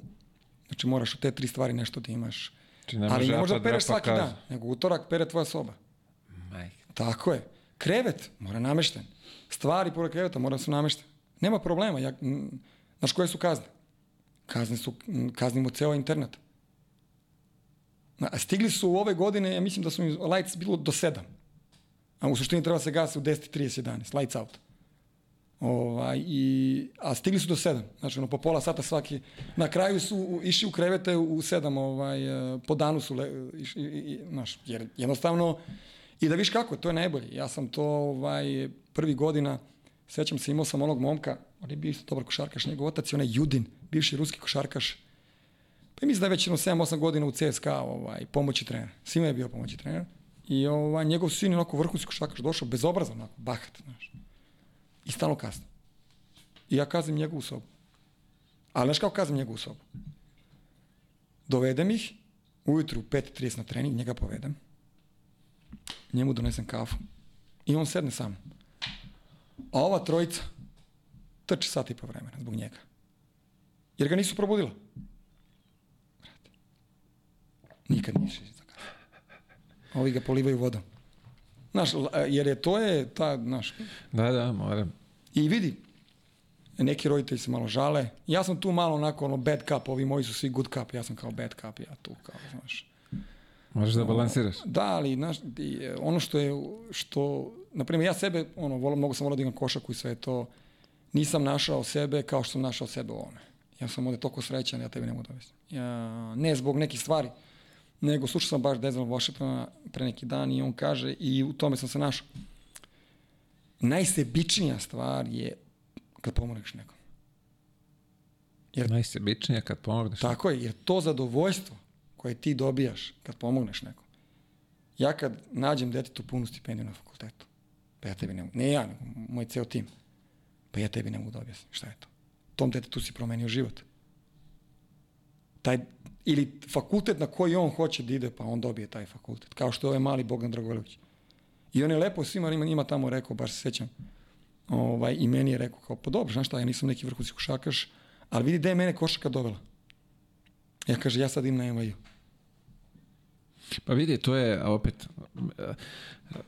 Ajde ovako, imamo roditelje koji žele deci najbolje, imaju decu, ima deca koja žele najbolje da izvuku od toga da hoće svima što je NBA u šta god je Euroliga nebitno i sad je uh, najbitnije tu da, da dete prepozna da li je on stvarno kvalitet za to ili nije, da, da se mane tih nekih Teško je snova. prepoznati. E, pa, ali evo, taj dečko je dao primer i Ono što, ali na primjer, kažem ti, to je jedan primjer, ali ono što smo rekli pre kad smo došli, treba da znaš koliko znaš.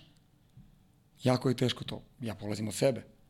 Ali jako je teško to, ovaj, jer imaš decu jednostavno i zato ja kažem ono, imao sam bre jedan, jedan ne znam, pre, pre koliko godina, pre četiri godine smo imali Redemption Academy. Tu ti Lamar Odom i oni su celo Afrička američka akademija, ono, imaju dosta NBA igrača, ali ono, ono kažem geto, ali je, i sad oni igraju protiv nas. I mi ih pobedimo. Ja jednog Afrikanca imam. Brate, njima nije dobro. I sad, i odigramo utakmicu s onim Brusterom, to je bilo iste sezone, i pobedimo Bruster. I sad oni nas mole, iako nisu s nama u konferenciji, mole nas da odigramo utakmicu. Hoće po svaku cenu da igraju da nas pobede. I mi sad treba da idemo kod njih u salu. A pre toga su neke, neku prijateljsku utakmicu baš bili onako prema nama, naš, mi na prijateljsku na, na, razvalili nas, skakali u naš, baš su bili onako, nisu bili korektni. I ja kažem, okej. I mi odemo tamo. I ja kažem, ovih sedam najboljih što igra, što ti misliš da su najbolji, oni ne igraju. Igraju ovi. I izgubimo mi 40-50 razlike. Brate, ovi su teli, su da biju s nama posto. Te, on, ja kažem, šta vam ljudi, šta je, što si ovo radio, što nisi igrao ovo, ovog, ovog i ovog? Ja kažem, kakve to veze ima? Ja kažem, što? Ja kažem, evo ga college scout. Evo i gledaju nas. Pa i ta druga deca treba dobiti stipendiju. Jel tako? Znači, što bi sad, ova, ova petorica već imaju stipendiju, nebitna, je, mislim, nebitna je utakmica, svaka utakmica je bitna, ali bitna je za drugu decu, da se šansa da drugoj deci. I sad, znaš kako, mi imamo 40 plus letnja liga, znači računaj tu oko 55 utakmica. Ja ću sigurno svakom detetu dati 5-6 utakmica da odigra 30 minuta. I to ne da mu, ne da mu govorimo ono, znaš, mi ja i Nemanja se uvek smejemo i, i, i Boki se uvek smejemo, kad gledamo neku utakmicu. Znaš kad ono, pogotovo u centar, koji ne igra puno, pa uđe ovaj, ovaj prvi napravi. I on ono, napravi neku grešku, prvu, odmah vidiš trenera s klupe kao, jao, kao, znaš, vadi. Da, da, da, da, da. Znaš, kao, i onda kaže ovom igraču, molim te, nemoj više praviš faulove. A ovaj izlazi. Kako će taj da se vrati? Ovo su pogotovo deca. Kako će taj da se vrati u igru? Pa taj više ne može da igra tu, tu utakmicu, to je katastrofa. I onda pokušavamo s tom decom da, da, da ih baš bodrimo. Da, mislim, naravno disciplina, ali da ih baš bodrimo. Imali smo primjer, evo ti, mali Nemanja Šarenac ide na, evo, te patike, isto ide sa svojim bratom na ovaj, uh, Viber State. On je izabrao to zbog Damian Lillarda. Jer je šuter. Jako podsjeća na Uroša Tripkovića. Uh -huh. Nije njegov, znači nije njegov nivou, sad naravno. Ali ako bude zapeo... Ne može. Ne može ni ga Pa daj, vidi, ja bi najviše volao, ali ja mislim da, da i, moram, ja sam realan tu. Ali vr, mali je vrhunski šuter. I, i ovaj, on kad je došao kod nas, mi smo njega terali da šutira minimalno na svaki put kad igra 10 trojki na utakmici. I on je bio uopšte prvih četiri meseca, on nije znao se nalazi. Kao šut, šutni kao majstor i sam si. On kao, pa nisam sam tu mi igrač, ma šutni, rekli smo da šutneš. I on posle četiri meseca, ubica. Kad je prokinuo? Kad je krenuo godinu i po dana, 8, 9, 7, 7. Ima jedan snimak, ja sam to gledao baš, ovaj, to mi je ono, s pola terena, Kostef. Diže, dao je dve trojke pre toga i nema njemu time auto, kaže, majstore, slobodno je digni s pola. Kaže, neca, nisam mislio da će digni s pola. I ovaj, evo, ali na primjer, evo, da se vratimo na temu, Nemanja je imao, išao u sportsku gimnaziju, bio je sad odličan učenik ovde, ali imao tri iz matematike, tri iz hemije, tri iz fizike. I Jel je zainteresovan za njega. I Jel uzme transkripte. To je to. Kaže, ne može. Ja kažem, meni, pa zadnje dve godine Šta, ubiti. ne može? Ne može, kaže, te imao je. Prva godina gimnazije ima, ima tri trojke. Jer se gledaju sve četiri godine kad se upisuju ti fakulteti. Kad se upisuju Znači, ti ocene su veoma bitne. Vidi. Za dalje. Pa znaš kako, ti možeš da dobiješ parcijalnu košarkašku stipendiju, pa da na to navučeš i akademsku stipendiju, pa da ti A to ima skoro... i ta opcija. Tako je, tako Ja sam mislio to se deli samo spor- sportska, ali više ima i akademska i parcijalno i šta Da, da, da. Evo, Ivy League škole ne daju uh, stipendije. Oni ti daju financial aid. Sad, tu školu možeš da upišeš samo kao što je Yale, Dartmouth. Tu školu možeš da upišeš samo ako si vrhunski đak. Sad nije bitno iz, odakle dolaziš. Možeš iz Afrike, iz, ne znam, ja, iz Mladenovca, lupetam, dajem primer. Ali oni ti gledaju, sa te škole su 80.000 dolara, do 100 godišnje. Ali oni ti gledaju koliko ti roditelji prave novca. Sad ako ti, da, da, ako ti roditelji, da, ako ti roditelji prave 30.000 dolara, ne plaćaš ništa. Ako ti prave 50.000 dolara i preko, plaćaš neki deo. Sad govorim ti, možeš na internet, to se sve proveri na internetu, uopšte nema, to nije, to nije, ovaj, a, ako ti prave, ne znam, milion dolara, plaćaš full, Full, da. full. Sve ti zavisi, dobijaš finansijsku pomoć uh, fakulteta. Zanimljivo. Da. I ovaj, na primjer, evo zanimljivo, šta nam je, sad je Vlada Pavlović bio na poseti Datmartu sa Bokijem, ovaj, i ono bili su oduševljeni tamo na tom fakultetu, ovaj, i što je rekao, ovaj, kaže, nigda nisam vidio neke markirane stvari. Znaš, nema easy patika, nema, znaš, oni tamo, tamo uče.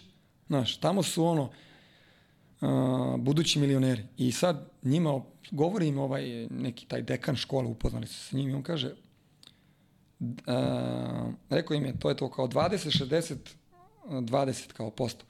I kaže on njima, uh, deca koja dolaze kod nas upišu fakultet, koje su, da kažem, od 100% u 20 ka dole, u prvih 10, znači ono, niži rang, a, koliko mogu roditelji da im plate. Oni kad završe fakultet kasnije u životu, odu u onih zadnjih 20% sa tog fakulteta. Ja sam mislim da Yale ima četiri predsjednika Amerike.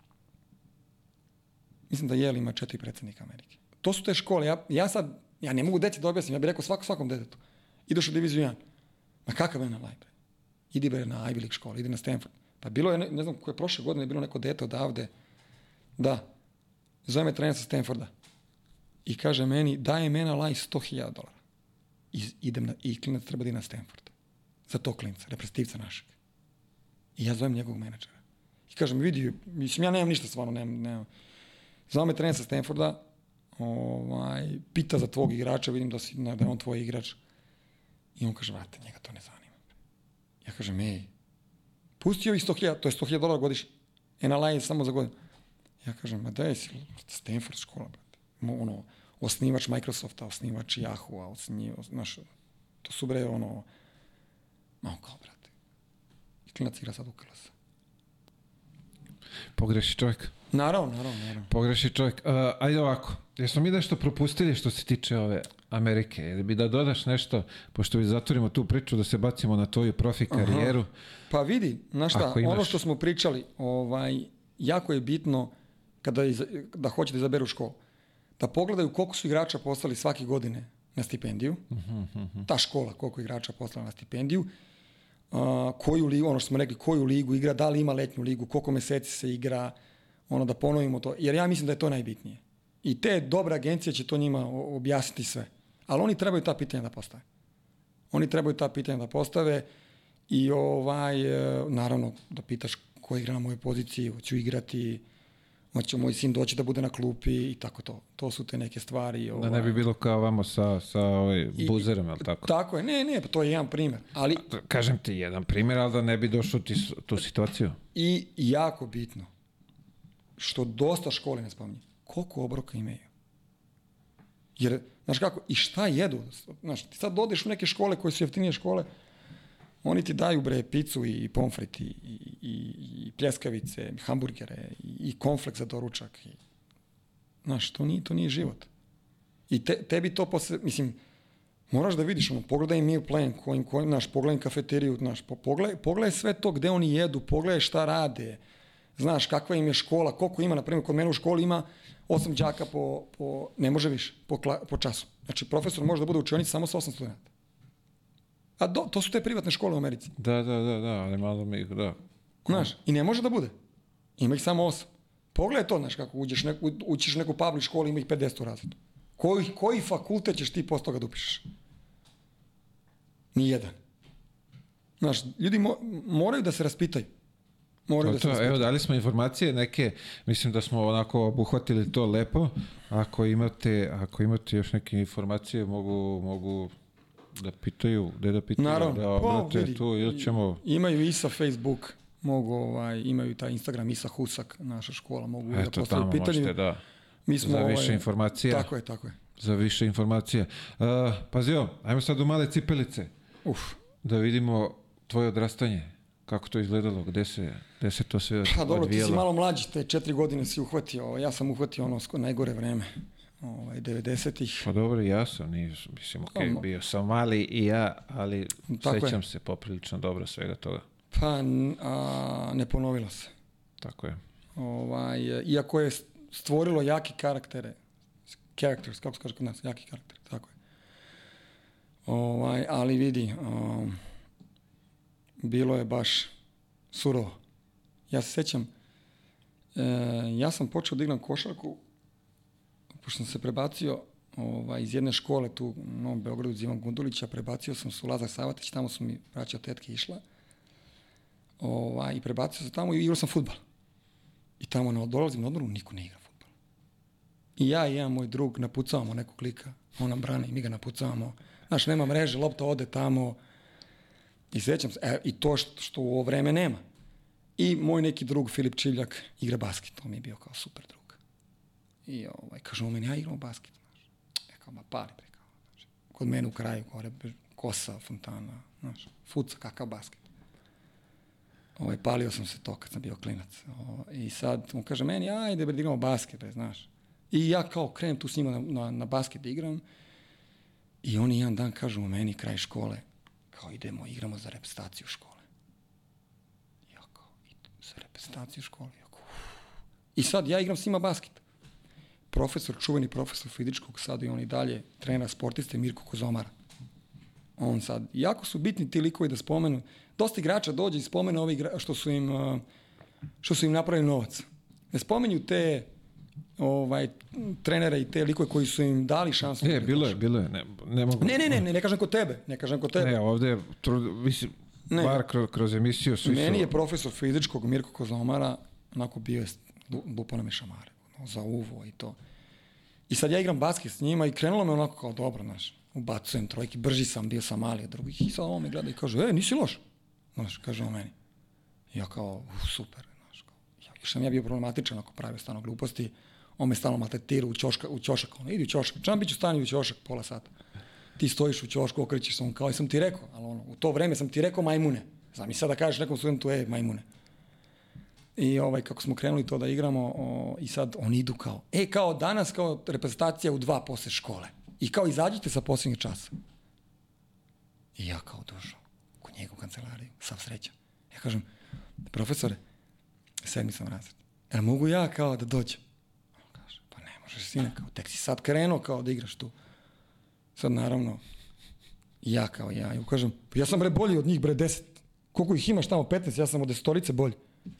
I on meni ovako, aj marš napolje. Kaže, treniraj celo leto pa se vidimo sledeće godine. I brate, ja celo leto. Niko ne igra basket u kraju. Na studenjaku se pičio čuveni basket na terenima, studentski grad, dolazili su svi, ali stari su, ja sam bio klinac. I moj komšija Miljan ide stalno tamo da igra basket. Ja kao, je, on stari, i o, kamo sreće, kamo sreće, on kaže, ajde. I ja svaki dan s njim. I onda sam krenuo da da treniram i onda. I, i, i tako sam počeo i tako sam počeo. I onda kao znaš pošto u toj školi u Zemunu sam igrao prebaci se u Zemunsku. Moj Mirko Kozomar mi kaže ej, ovi treniraju u Zemunu i ovaj e, ideš kako se zove da treniraš u Zemunsku mladost. Kao javi se tamo. Kao i ja kao wow idem da treniram u Zemunsku mladost. I to su neki moji Čekaj, tu dolaze sad, ajde, klinaci, kreće neko maštanje, nešto, kad si već počeo da, da, da treniraš. Pa ovaj e, To su one vesele 90. kada uzimamo i one prve trofeje. Tako je, tako je, tako je. Uh, krenuo sam da igram u toj zemunskoj mladosti i, i, i stvarno su mi ti ljudi iz zemunske mladosti mnogo pomogli. Moj pokojni trener Tomislav Ilaret i svoju halu koju imamo u Americi se zove Tomislav Ilaret. To je jedina hala u, ja mislim, u Americi koja se zove po srpskom treneru. Možda grešim. Ovaj, I bio je tu, ne mogu da kažem, i Pujas, čuveni Pujas iz mladosti i bio je još jedan trener, sećam se, Žika, ovaj, koji me pre tome trenirao ne znam nikako se preziva čovjek, nisam ga vidio od onda, ali stvarno mi je pomogao. I krećemo tu da igramo, uh, onako krene me do, kao, do, da sam dobar, ali to vreme, znaš kako, ti da bi igrao košarku, samo je bila zemunska mladost, kad sam ja krenuo. Nije bio onaj zemun, to drvo markit, zemun, ja ne znam, ne sećam se, nije bilo ono kao klinci da su imali to. I ti sad da bi igrao košarku u to vreme, ti moraš da si među 15 u celom, ne Zemunu, nego Batajnica, nov, nisi imao nikoga na Novom Beogradu. Tek je posle Beo Petrol ili Beo Banka nešto napravili kao mlađe selekcije. I sad ti moraš, si, ti moraš da se izboriš u tome. Ono, krštenica i dve slike. To kad ti kaže krštenica i dve slike, to je trenutak, ono, kao da si, ne znam ja, kao, sine, donesi mi, to je, i tako smo krenuli, ovaj, i, o, pa sam onda, ovaj, e, otišao u Ameriku, Kad odlaziš ti zapravo? Odlazim 97. To je sa koliko? 17 godina? 17 godina, da. Či ti si ovde nešto to, ajde, mla- mlađe selekcije i kako dolaziš na, na, na, ideju uopšte da... da, da Pa, znaš kako, u to vreme ja sam teo da pobegnem odavde po svaku cenu. Ovaj, imao sam neku ponudu, kad sam, tad se završila juniorska prvi put, ne znam, se završila u 17 godina. Smanjili su bili godinu dana, sad da li juniorska. Ovaj, smanjili su godinu dana i sad ja sam imao neku ponudu iz Ibon iz Nikšića, ali da ostanem da igram na Srpsku ligu u mladosti. Znaš, sad ja kao, pff, znaš. I dotaknemo se menadžera Ace Raškovića i njegova sestra je tad slala, jedna od prvih, Milena, pošalje mene u Ameriku. I ovaj, kaže meni, je, vidi, deo ćeš da ideš ovo ono, I to je bio pakao. Ja odem u školu u, u, u New York, Queens, Cardoza High School. Metalni detektor, ja dolazim tamo na vratima. Pakao, ne znam, mislim, znam engleski, mislim da znam engleski. Drugi dan dolazim i oni kažu meni idemo na utakmicu da igramo kao u Bronxu. Igramo što kaže meni trener protiv najbolji playmaker u Americi. Ja kažem drugi dan moj u Americi. Ako se sećaš Jason Williamsa, onog crnca što je pao s motora, što je bio Da, drugi pik da, na draftu. Da, da, da, bili smo u New Jersey, dolazi na ovaj um, On je- pre-season, pre-season. On je neki... Uh, Sad je nešto... I nije SPN. Tako, je nešto, da, da, da. Brate. Sad ja dolazim. I sad igram neko, neko tima iz Bronxa. Vatreno kršće. O, o, krštenje. On daje bre. Čuvam ga ja, čuva ga nas petorica. On daje bre 60 koša. Bre. Čovjek, tad je bio ko čovjek. Znaš. I onda sam krenuo tu da igram košarku i oni mi kažu moraš ovaj, jer ja nisam znao. Oni su mene poslali u public školu. Wow. I sad kaže, oni mi ne možeš da diplomiraš ovde. Moraš da, ovaj, kamo sreće sam imao tetku u Americi i teču, tadašnju teču, uh, pošto oni su živjeli u Njujorku, kažu, ne možeš da diplomiraš ovde zato što je public škola. Moraš da, kao moraš da ponavljaš razred. Moraš kao dve godine da ostaneš. I neću, ono. I oni mi srede da odem u Severnu Karolinu, u taj neki kraj, kraj škola, to je privatna škola, ono, sve muškarci, šuma. Mislim, škola je vrhunska, košarka katastrofa, iako je ta škola sad postala, da kažem, ja sam im bio prvi od nekih internacionalnih igrača, oni braća Plampi, ovi su Plampi, kažu, ovi iz, što igraju NBA. Da, da, da. I postali Pa- su pa- dobro, ali tada, ja dolazim tamo, igramo neke crkvene lige. I ja u paklu. Užas, užas, pa kao, igram neke crkvene. Nik- Niti me neko gleda, niti ono, stipendija. Nisam video devojčicu, oni se nalaze negde u, u, u, u šumi. Kakav, de, devojku nisam video, bre, šest meseci. I onda je krenulo to bombardovanje na Srbiju. O, I ja prelazim u prep školu uh, u Pensilvaniji. Uh, I trener me zbog vize, tad sam imao taj neki kao showcase, i E ESPN-u sam bio, Outside the Lines, kao se zvao taj neki čuveni show. Ovaj, e, trener me uzma, uz, uzima i usvaja me.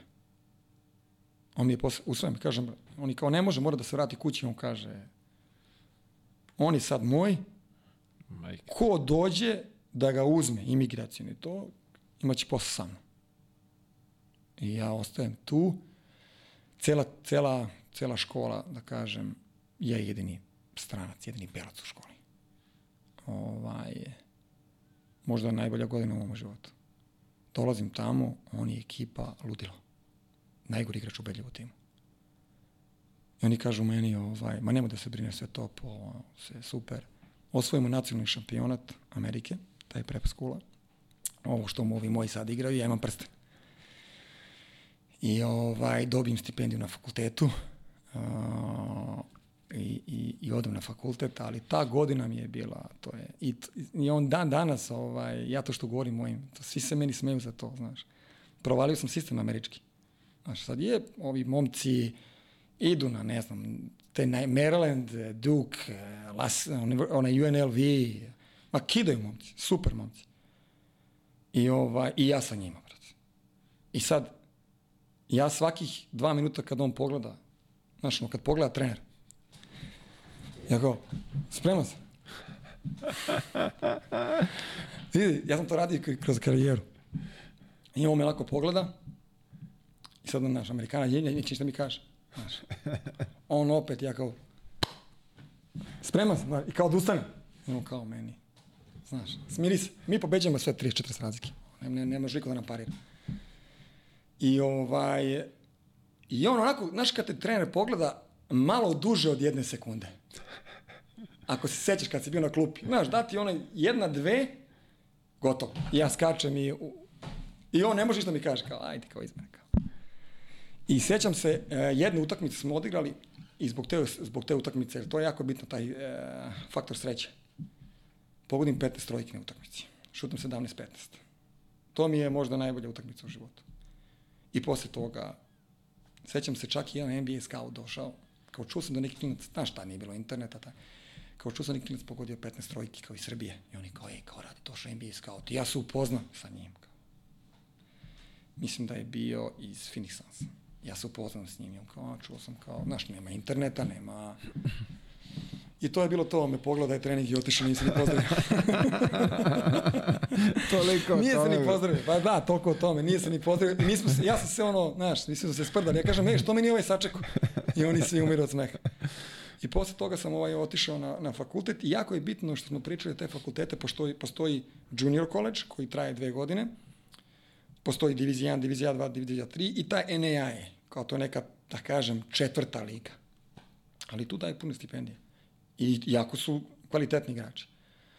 Ja sam prve godine išao na junior college, posle toga sam otišao na diviziju 1 i zadnju godinu, zato što sam bio tu u Kraljevu, nešto sam kao, išao sam onaj kamp trevizo, me suspenduju i odigram dobru utakmicu na diviziji 1 i nema, onda me posle skinu me, ovaj, suspenduju me. Suspenduju me i kažu, nemaš pravo da se, ovaj, eh, da igraš u diviziji 1 i si igrao profesionalno, kaže. Mora se spustiš dole rang. Sad, u to vreme nije bilo interneta. I ja sa iz Teksasa kao dođem u New znao sam trenera u New Yorku, San Francisco, New York i kao ja odem tamo. I on kao, oj, kao, otkud ti? Ja se pravim lud. Ja kao, ma ne, kao, znaš, kao, kao, ej, super, daću ti stipendiju, kao, znao me on. I ovaj, a, i on mi da, kao, ajde da potpišemo stipendiju i ja kao, super, idem, znaš, Brooklyn. Taj Brooklyn Heights, to je u suštini, ja naj, to ti je novi Manhattan. To je tamo gde žive svi jevreji, to je top, top area. I on meni dolazi i kaže meni, majstor, Mene si našao da veriš. da, ja kažem, jebi ga, mislio sam da neće provaliti, znaš. On kao, pa jesi ti rekao da moraš da ideš u NCAA diviziju 2, kaže. Ja kažem, da. I on kaže, ima škola ovde, završiš fakultet. Bre, kaže, NYIT top škola, bre. Završi fakultet. Da, bre, još ja nisam teo. Kao idem, bre, vraćam se kući, ti imam profesionalno. I ovaj, uh, moji svi kao, ne, kao ostro ti još godin dana školovanje. Silo. Ne, ja bio, super što sam slušao majku i oca, ovaj, um, rekao sam im uvek da neću moći da budem pola, kakvi su oni, jer zato tih 90-ih šta su oni sve žrtvovali, ja sad to ne mogu, i kad bih hteo ne bi mogao da ovaj, budem takav roditelj. I ja ostanem da, ovaj, uvek sam onako, kako ti kažem, nisam bio, pravio sam te neke probleme, kao i u karijeri. A, i, i, I, ovaj, sećam se, sad ma, bacamo one kape i ono. A na, u to vreme, ja prvi, kad sam došao u Ameriku, nisi dolazio to na raspustu, znaš, nego si jebi, godinu dana si tamo. A zbog, bombardo, zbog bombardovanja sam bio skoro dve i nešto godine tamo, nisam se vratio kući. Pakao je bio, da. Ali dobro, znaš kako, to je, ono, sazreo sam bio tamo i, i stvarno me to, no, ovaj, e, da kažem, napravilo. Jer taj što nisam došao kući, znaš, ne, ne, nemaš mamu i tatu, kraj. Ti si tu. Jedino što kažem, imao sam moje kumove te ovaj, u, u, u Njorku, tri kuma koja su mi mnogo pomogla. Znaš, mnogo, mnogo, mnogo to neko treba imati. Znaš. Tre, taj faktor sreće je baš bitan. I ja tog trenera, da mi nije teo da me usvoji imigracija, da bi me vratila nazad. Izbacili bi te ćao. Ćao, da. Ali treba imati taj faktor sreće i onda sam ovaj, e, tamo završio i sad čuvena scena. Pošto sam stalno ono, prepisivao, a tamo u Americi prepisivati je kao krasti. Znači, to je ozbiljan prekršaj, izbacite s fakulteta ovako. A ja sam stalno tu, ono, znaš, Srbija. I ovaj, u Malme nisu izbacili s fakulteta, za, ali bukvalno zadnjih mesec dana. Treba da se napiše e, neki e, 14 kucanih strana, ovaj, e, tema koju god hoćeš ti. Na času istorije. I naravno ja pišem tema Srbija, ratovi, ovo, ono. I zovem svog kuma, a on je bio stariji, brata od kuma, i, ovaj, i on je završio fakultet u Americi. On kaže, meni imam top kaže, imam to, pisao sam u Srbiji kad sam ja završao, završio fakultet, ja sam to, ovaj, ono, ja kažem, stvarno, daj mi to. I on mi da sve to. I ja, ono, predam sve to, sve kako treba. Copy paste. Ma da, sve prepišem. I, i čekam sad, znaš, kao profesore, kao, znaš, ste pročitali moj? I on kao, jesam, kao, posle časa, kao, dođi. Znaš, kao sad bitan. I ovaj, on kaže meni, vidi, imat ćemo ovaj, sud. Ovo si sve prepisao sa interneta. I ja, kaže, nevjerojatno ćeš biti ispečen s fakulteta. Deset dana do kraja fakulteta. I ja kažem, au jebote. Ništa. Ja sad zovem ovoga, ovi, derem se na njega, njegov brat se dere na njega. Šta? On kaže kao, ja, i sad ja ne znam kako ću. Znaš. Sad idemo na taj sud i sad... I ja kažem, znate šta, jeste sve, ono, nisam prepisao sa interneta, ali znaš kako ti ono ukucaš i izađe ti, ne znam, deset rečenica koje si prepisao, nisam sa 5-6 tema. On Znam, to je ovde poznato, brate. To Tako je, imamo, tako je. imamo slučajeve i ovde kod nas. I ja kažem, znate šta, istorija su činjenice. I ja sam prepisivo činjenice. Sada sam promenio ovaj, to i tu se izvučem. I ovaj mi oprosti, verovatno, i kaže meni, ajde, napiši ti to opet i pustit ćemo. I tako završimo ovaj. Ta, inače sam bio gotov. Bio sam gotov i kažem našoj deci, nemojte, molim vas. Nemojte, samo nemojte, ne, bolje dobi, dobi lošu ocenu nego da prepisuješ ako te uhvate, pogotovo na fakultetu. Imao sam, imao sam studenta koji je otišao na fakultet i prepisivao iz Bacarinskog. Ćao, zdravo. Dobio, imao je punu stipendiju. Ćao, zdravo. I to nema ono, kao nešto da me on zove, da mi, da mi trener kaže, ej, kao vidi, znaš, ovaj tvoj što je došao, što si mi ga ti poslao. Da, da, da, da, da. Ti si kriv. Kao Nag, on- on je- naglase ti, lepo ti Da, da, naglase. kaže, on je prevarant, kaže. No, da ne, to je u Americi, ali stvarno, to je kao, ti si bre prevarant, ti varaš, bre, kaže, ti, ti si teo nas da prevareš profesora. Znaš, tako da, i, i, i moje, mora ti kažem ovu naj, najbolju scenu koju ću pamtiti ceo život. E, pošto to 90-ih, ono, kažem, onako vreme, krize i svega, i ovaj, ja sam puni 24 godine, završam fakultet, znaš, ja sam radio moving non stop. Ja imam dva meseca, tako je, dva meseca imam, ja radim moving, sramota, dođeš ovde, tražiš para od roditelja, mislim, 24 godine. O, I onda cepam moving. Kaži, radiš to i dalje, imam sad ne, ne, imam ne, neku šljaku na gajbi. Ako. Pozovi me, nema problema, nema problema, znam kako treba se uhvatiti, ma sve znam, ne, ne, nema. Imam neka dva plakara velika, ona... E, vidi, bio sam specijalista za knjige. Samo da znaš, bio sam specijalista za knjige, su knjige najgore.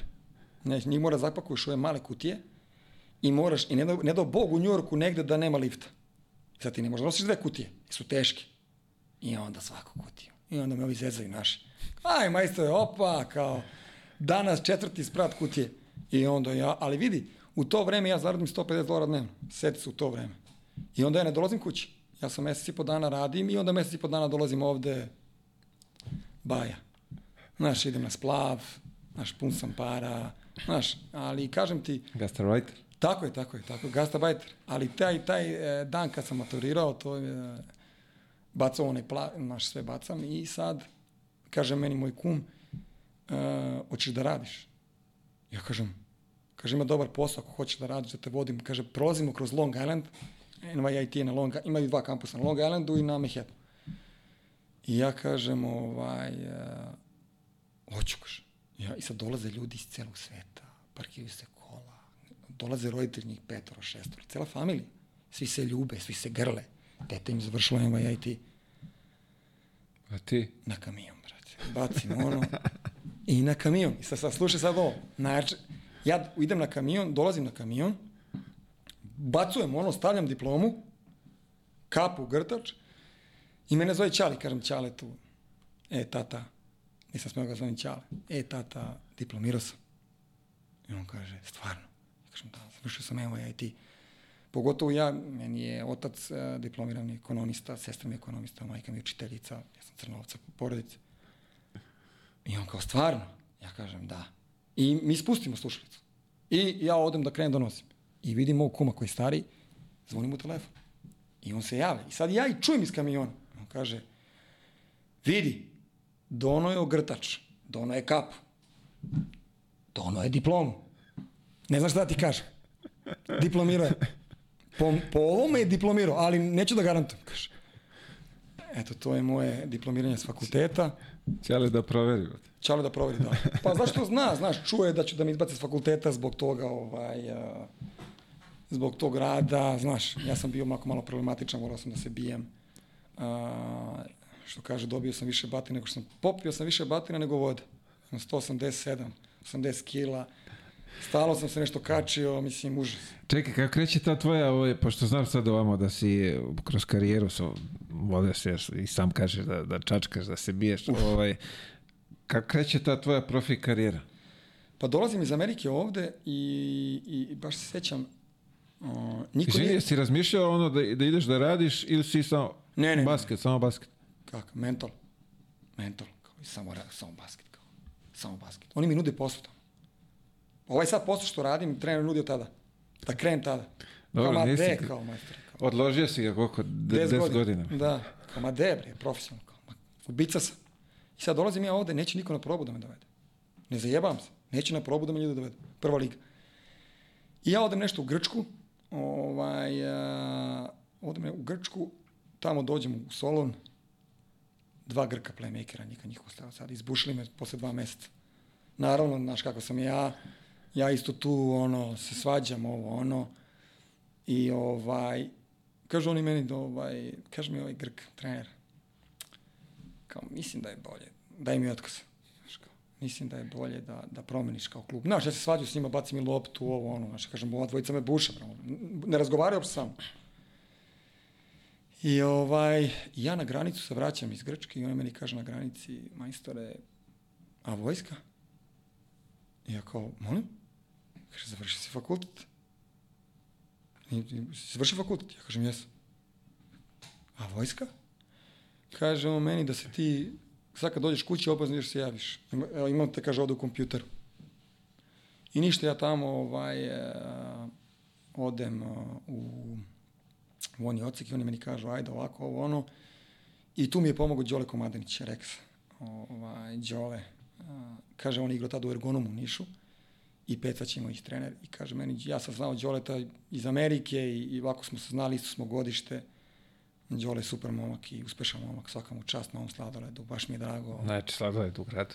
Ne, ne jedem sladoled, kažemo, ali moji jedu. Ovaj, ne volim baš sladoled, ali Ozbiljan moji, cela porodica jede i svaka mu čast i super je agent. I da, da- da ovaj, pojasnimo luf sladoled ko Tako ne je, zna tako je, i tako u je. pitanju, tako da... A, I, i Đole mi kaže, pošto smo igrali ono u vizuri, ona čuvena vizura, i on kaže meni, brate, aj dođi u Niš, peca trener, ovo, ono. I ja kao, pff, pa nisu me teli, niko mi nije teo. I onda sam bio godinu dana tu polusezonu i sledeću polusezonu sam bio u Nišu i ovaj, na kraju sam igrao za tu neku ligu, reprezentaciju Liga Srbije i ovaj, prešao sam u radnički iz Kragujevca, ovaj, išao sam ono civilno u vojsku, oni su mi pomogli i posle toga odem a, i stvarno se zahval, ono, taj Peca Ćimović mi je dao šansu, ovaj, Kopriva je igrao sa mnom, to je, igrao sam sa Koprivom Koji ko prijava? i ova, da, i ova, je kako, mora ga zoveš dođe bude gost. Ovaj, Pa vidi, nešto mi se ovaj opire, tako da... Aha, pa dobro, on je sad oz, ozbiljan čovjek, ovaj, ne može da priča gluposti, mogu ja malo njegovih gluposti da kažem. Uvek dobro došlo. Vidi. sad ja on igram u Nišu, sad nema para, nema ništa. Bukvalno. On, nam, mislim što imaš ugovor, ali oni te, ono, kao ti si ovdje zbog vojske, a, a i ovaj je imao u povredu. Znaš. I mi igramo tamo u Nišu, mi dolazimo iz Beograda, ono, igramo prvu ligu, tada prva liga, ono, ozbiljna prva liga. Ne, mislim, neću da primjem ovaj KLS, ali tada je bila ozbiljna liga. I dolazi jedan igrač kod nas, mi smo pravili show s njim, brate. On je onako malo, bio je filozof, visoki neki igrač, onako bio je, bio je već pri zalasku karijere, bio je uspešan igrač, neću da govorim imena.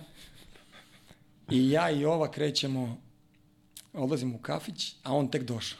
I ono sam napaljen, znaš, ko ja sam igrao ovde, ja sam igrao ovde, znaš. I sad, ja i ovoga uzmemo i okrenemo ga telefonom, kao ovde novinar iz Niša. I kao, i on ti odgovori, ko je super, kao on kao će da, sad naravno i ova kuca sve, i ova legenda. Uh, I kaže, aj dođi u ovaj kafić, a mi u kolima ispred. Sad imaju tri kafića ovako.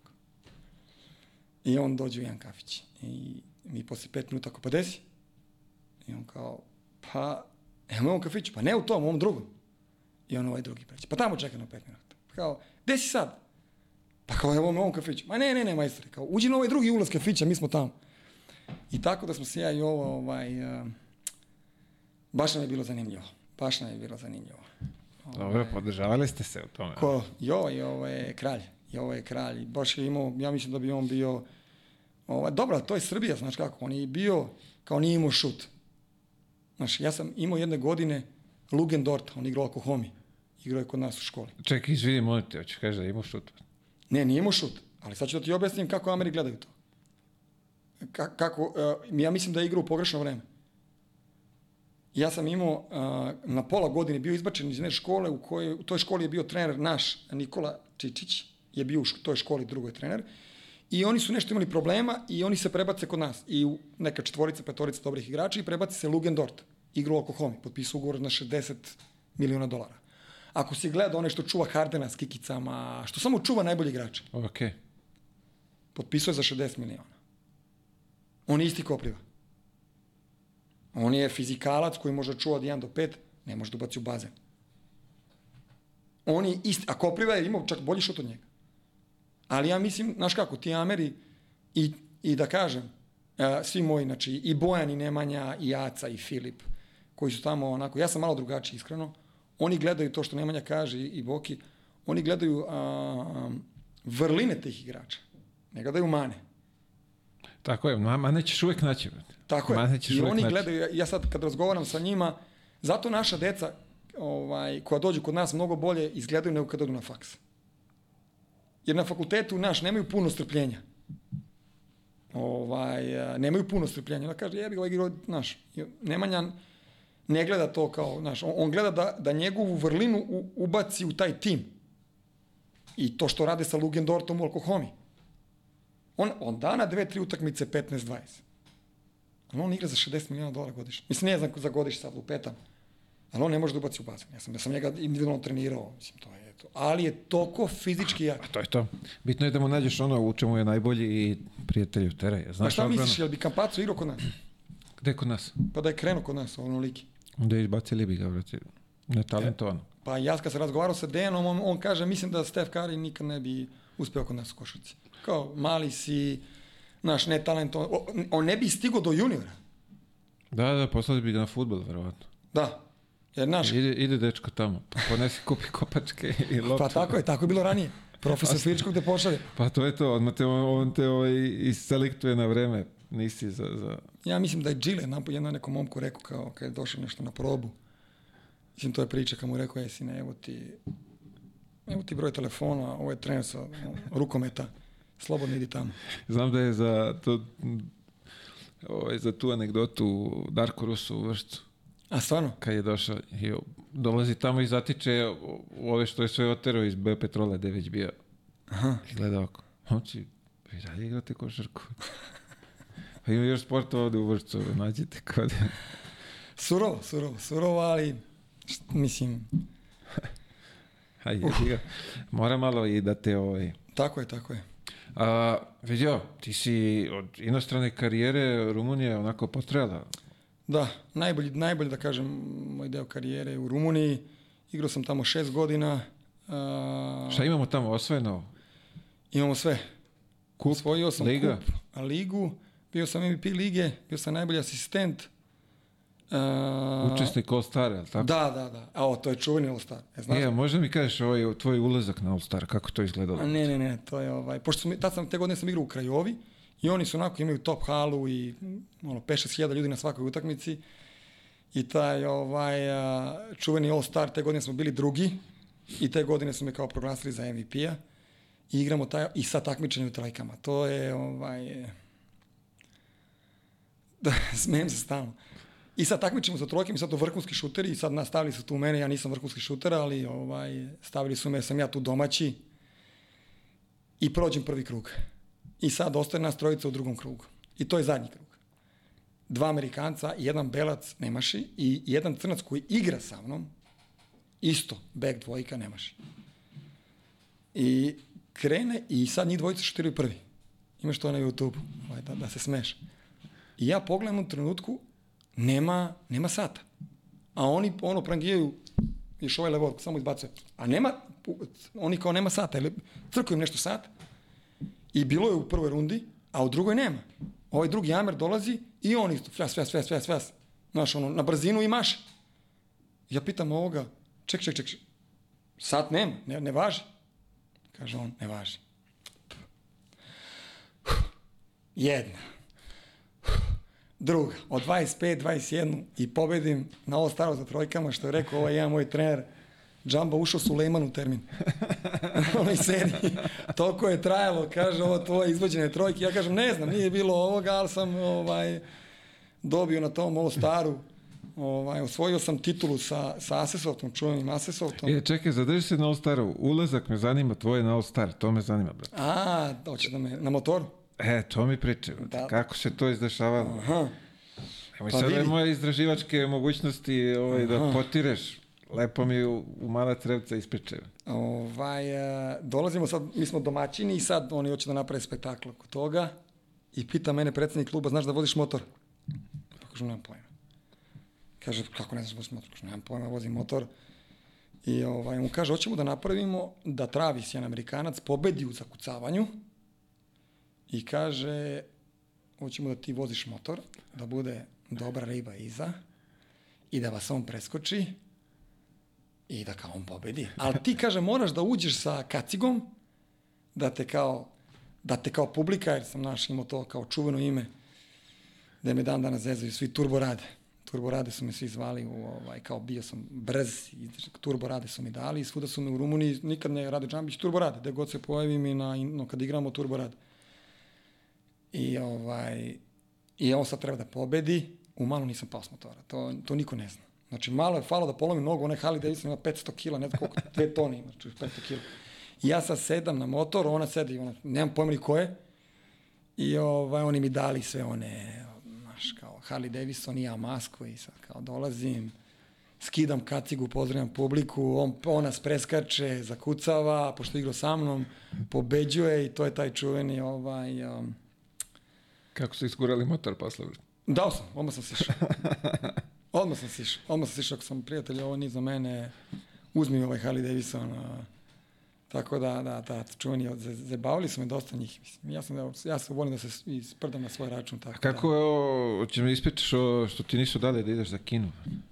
Si dobio vrhunsku ponudu. a- Da. A, vidiš, sve znaš. O, svaka čast, svaka čast, svaka čast, svaka čast. E vidi Bilo ovako. ti, bilo je, malo prva- teško, teško ti pala, a? Pa vidi, teško mi je palo tada. Ali sada, kako, pošto mi je stari sin odrastao u Rumuniji i stekao sam najbolji prijatelj u Rumuniji, Nemanja Marić i Bojan su, mi su, mi su iz Rumunije i oni sad rade sa mnom. Ovaj, je, Ej, izvini, u- ujedno pozdravite ekipa iz Jagodine. a tako je. A, znači da, da, Šonka, Šonka i Uroš. Da, da, ovaj, je, kraljevi. Ne, to, te upoznati, te, te momke, ovaj, to je, to su ljudine. To su stvarno ljudine. I ovaj, dolazimo mi u Temišvar, ja ne znam nikoga, samo znam mog Bokija, Grbišića. Trener Dragan Petričević, čuveni trener Bog Rumunije. I odlazimo u kinu, vode nas u kinu da igramo neki turnir. I odlazimo tamo, ono, 48 minuta, dolazimo, igramo protiv, ne, sad igramo protiv dosta tih timova i neki tim igramo tamo, oni imaju nekog centra iz Atlante, da li bio onaj Bonzi Vels, nemam pojma. Imaju kao tri igrača, imaju pravo stranca i, i je, ali jedan mora uvek da, dva na terenu, jedan mora da je tamo. I sećam se tu utakmicu, Bob Weiss je trener bio, on je bio trener u NBA u Seattle. I sad je, sad, ja potpisao ugovor 20 dana pre toga za Temišvar. I krećemo da igramo i sad naravno, onaj, onaj veliki centar ne može da brani, brani dole i mene krene, pa kao, mislim sam dao, ne znam, 40 koša, nemam pojma. Sutra dan opet s njima, dva put dnevno, isto. Fullu sam. Znači, ne, bukvalno ne mogu da promašim. Šta god krenem, oni krenu, asistencija, ovi pogađaju. Znaš, to zavisi od tima. Šta da sam krenuo za Bado dole, ovi da nisu, da nisu Uroš i Veličković i Miloš Pešić pogađali trojke i da se nije Boki rolo dole, ne bi, ne, ne, ne bi me ovaj zapazio. I sutra dan mi imamo tamo sve nešto kao ujutru Dragan, pa footing, o, naš, malo se razgibam i dolazi trener taj, njih 5-6 kineza i dolazi on. I sad Šonka se, Šone Marković, čuveni kapitan, se, uh, je pored njih, ja sam malo dalje. Mi igramo za smešne pare, mislim, smešne pare. Ovaj, a, I oni nešto pričaju, ja kažem, a, nećemo valjda opet da igramo protiv ovih, znaš. I Šonka ustaje i dolazi kod mene i kaže meni, e, vidi, samo ti kažem, ovi došle te kupe. Sad, pošto sam ja zebant, znaš, ja, ja baš tu preterujem. Ja kažem njemu, daj bre, beži bre, budalo, igraju ovi iz NBA, si lud bre, ono, ugovori ludilo. Kaže, brat, ne, ne zezam te. Šone Marković kaže mene. došli ovi da te kupe. Ja ćutim, ništa oni otišli, ja ćutim. Sad ja očekujem da meni neko, da mi Dragan priđe. Tada nas je vodio Backović, on je bio upravnik uh, pionira. I on je te organizovao te. I sad meni Backo dolazi u hotelu i kaže meni, Čambo, izgleda da ostaješ ovde, ozbiljan ugovor. Ja kao, brate, koliko ja kažem? Meni nije, nije ni problem što da kažem. Kaže on meni, dobit ćeš sve plaćeno dve godine, 500.000. I živećeš, kaže, u ovom njihovom, oni tu imali neki interkontinental, sve ćeš dobiti sa porodicu, sve. Ja kao, kao ludilo. Sretnem trenera Bob Vajsa i on mi kaže, e, majstore, pokušavam ovo, ono, i ja tu, znaš, gotovo, gotovo već, znaš, već sam, i kao odigramo, kao odigramo ovo u Kini, sad se to pregovara, sećam se, uh, tad mi je bio menadžer Kuzmanović, tad je radio za Beo Basket i Kuzma tu isto nešto pregovara sa njima i oni ceo taj... I mi se vraćamo u Temišvar, sad to treba da se sredi i bio neki sastanak u, u Vršcu, uprava kluba i tražili su mi neki ogroman novac, da odmah dam. Što ja nisam imao, rekao sam, ajde da vam plaćam ovaj, ono, mesečno. Ali ugovori u Kini kažu ako dobiješ otkaz, ne dobiješ nikakav novac. Tako da ovi čuveni Dragan Petričić dan danas mene zeza, nisam te pustio, kaže, u Kinu. Napravio sam ti, kaže, karijeru u Rumuniji.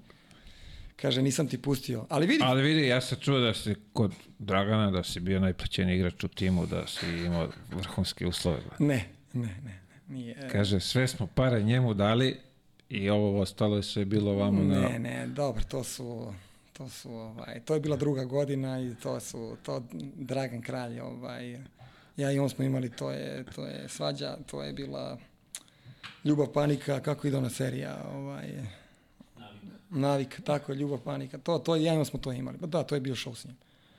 Čak mi jedne godine, a, i to ću pamtiti, ovaj, a, vratio sam u jedne godine za tu kinu, čekao sam. Malo je morao sam da, da ga nekako bocnem. Ovaj, igrali smo finale sa Asesoftom. I prva utakmica igra se na tri dobijene. On naravno mene, znači ja sam mu, iako sam, znači igrao sam 35 minuta, dao mi je svu slobodu, ali me je drao. Znači, ubio me. U slačionicu kad uđe, ma nije bitno ko je zajedno. To je. Ti si ovakav, ti si ovakav. Ti bi, ti bi da mi, ne da mi pobedimo 20 razlike, nego ti bi, e, koki si egocentrični manijak, ti bi da ti imaš šut na kraju za pobedu. Ne da pobedimo 20 razlike. Ne, ne, ti bi, ti bi da šutneš na kraju, pa šta bude, bude. Jel tako, kaže on meni? Sad znaš kako to, ja kažem, tako je, tako je, tako je. I, je stvarno tako? Nije, nije, nije, nije. Ovaj, ima tu malo istine, svi mi imamo, imamo taj, ovaj, ali volao sam to na kraju da rešim. Ovaj, a, znači nije bilo daleko... Ima, ovaj... Da, da, da, nije daleko do istine. Ja, ovaj, volao sam to na kraju, to mi je, ne znam, Uh, I sad, kako smo krenuli, uh, izgubili smo prvu utakmicu, nešto gusto, tad je u Asfaltu bio onaj Rashard Griffin, Katalin, naš, ona ekipa top. I krećemo na aerodrom, gužva, ne možemo da stignemo na avion. I kaže on, vraćamo se, ajde da se, kaže, vratimo spavaćim kolima iz Bukurešta za Temišvar. Kaže, nemamo drugačije, nemamo autobus. Ne stižemo na avion. I sad mi uđemo, ona spavaća kola, i kako smo ušli u spavaća kola, on me onako iznervirao, ali ja u suštini uvek sam čutao, znači ne, imam svoj e, laptop, slušalice, tad nije bilo ovih iPhone-a i, ovo, i onda gledaš u tom, tim kolima i putuješ 8 sati do Temišvara, 6-7 i ovi drugi igraju karte, znaš, ne mogu da spavaju i sad, a oni u neku, sad ima tu drugih ljudi. I ovaj, nije bilo u redu, ali i ja sad celu noć, ja znam da on hoće da spava i Goksi Goran Damljanović. Pazi, nas je bilo osmoro u Temišvaru. šest igrača i dva srpska trenera. I ja celu noć lajem. Radim kao ono kao oh, oh, oh, oh. Jer ne možemo da spavamo, pogotovo ja. Ne, I sad niko ne može da spava. On pošalje Gorana trenera i Goran nam uđe u kupu i kao, brate, ko laje ovo? Kao, je vi lajete? Kao, Mi kao, bre, ja sad kao pravim se lud. Slušalice držim. I on, on mene ne pita, on zna da sam ja takav. On opet, i on ode. I sad, i oni meni kažu, nemoj, brate, koji ti je? Ja kažem, a moramo, brate, moramo za kinu. I ja celu noć. Malo, malo, svaki sat vremena. Wow, wow, znaš, mislim, užas što, što radim to. Još ono držim onako. Izlazimo u šest ujutru iz autobusa. Iz, iz voza, izvini, iz voza. Dragan izlazi i kaže meni, ovaj njegov bosanski, ovaj, kaže, vidi, znam da si ti. Znam da, može Goran da priča i ovi svi, znam da si ti. A ja njemu kažem, treneru, sam mu presirao, treneru, ja, pa vi imate, eto, ja, evo, sad mi to dokazuje da vi imate problem sa mnom. Sad mi to dokazuje da i vi imate problem sa mnom. I on kaže meni, pa mi igramo finale. Ja, on kaže meni, ceo tim u halu.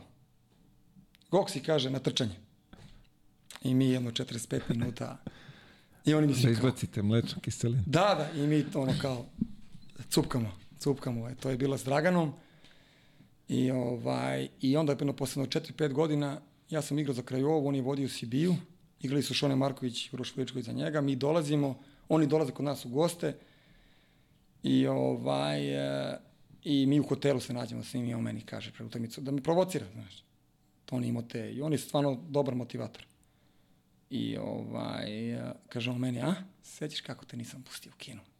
A? I ja mu kažem, sutra ću ti vratim za to. I možda sam odigrao od najboljih isto utakmica tada, ovaj, dobili smo ih 25 razlike, mislim čak da je dobio otkaz posle dve utakmice posle toga. Ovaj, a i mogo je te godine da me uzme, ali mi nije uzeo nekog bugarina, dobrog igrača.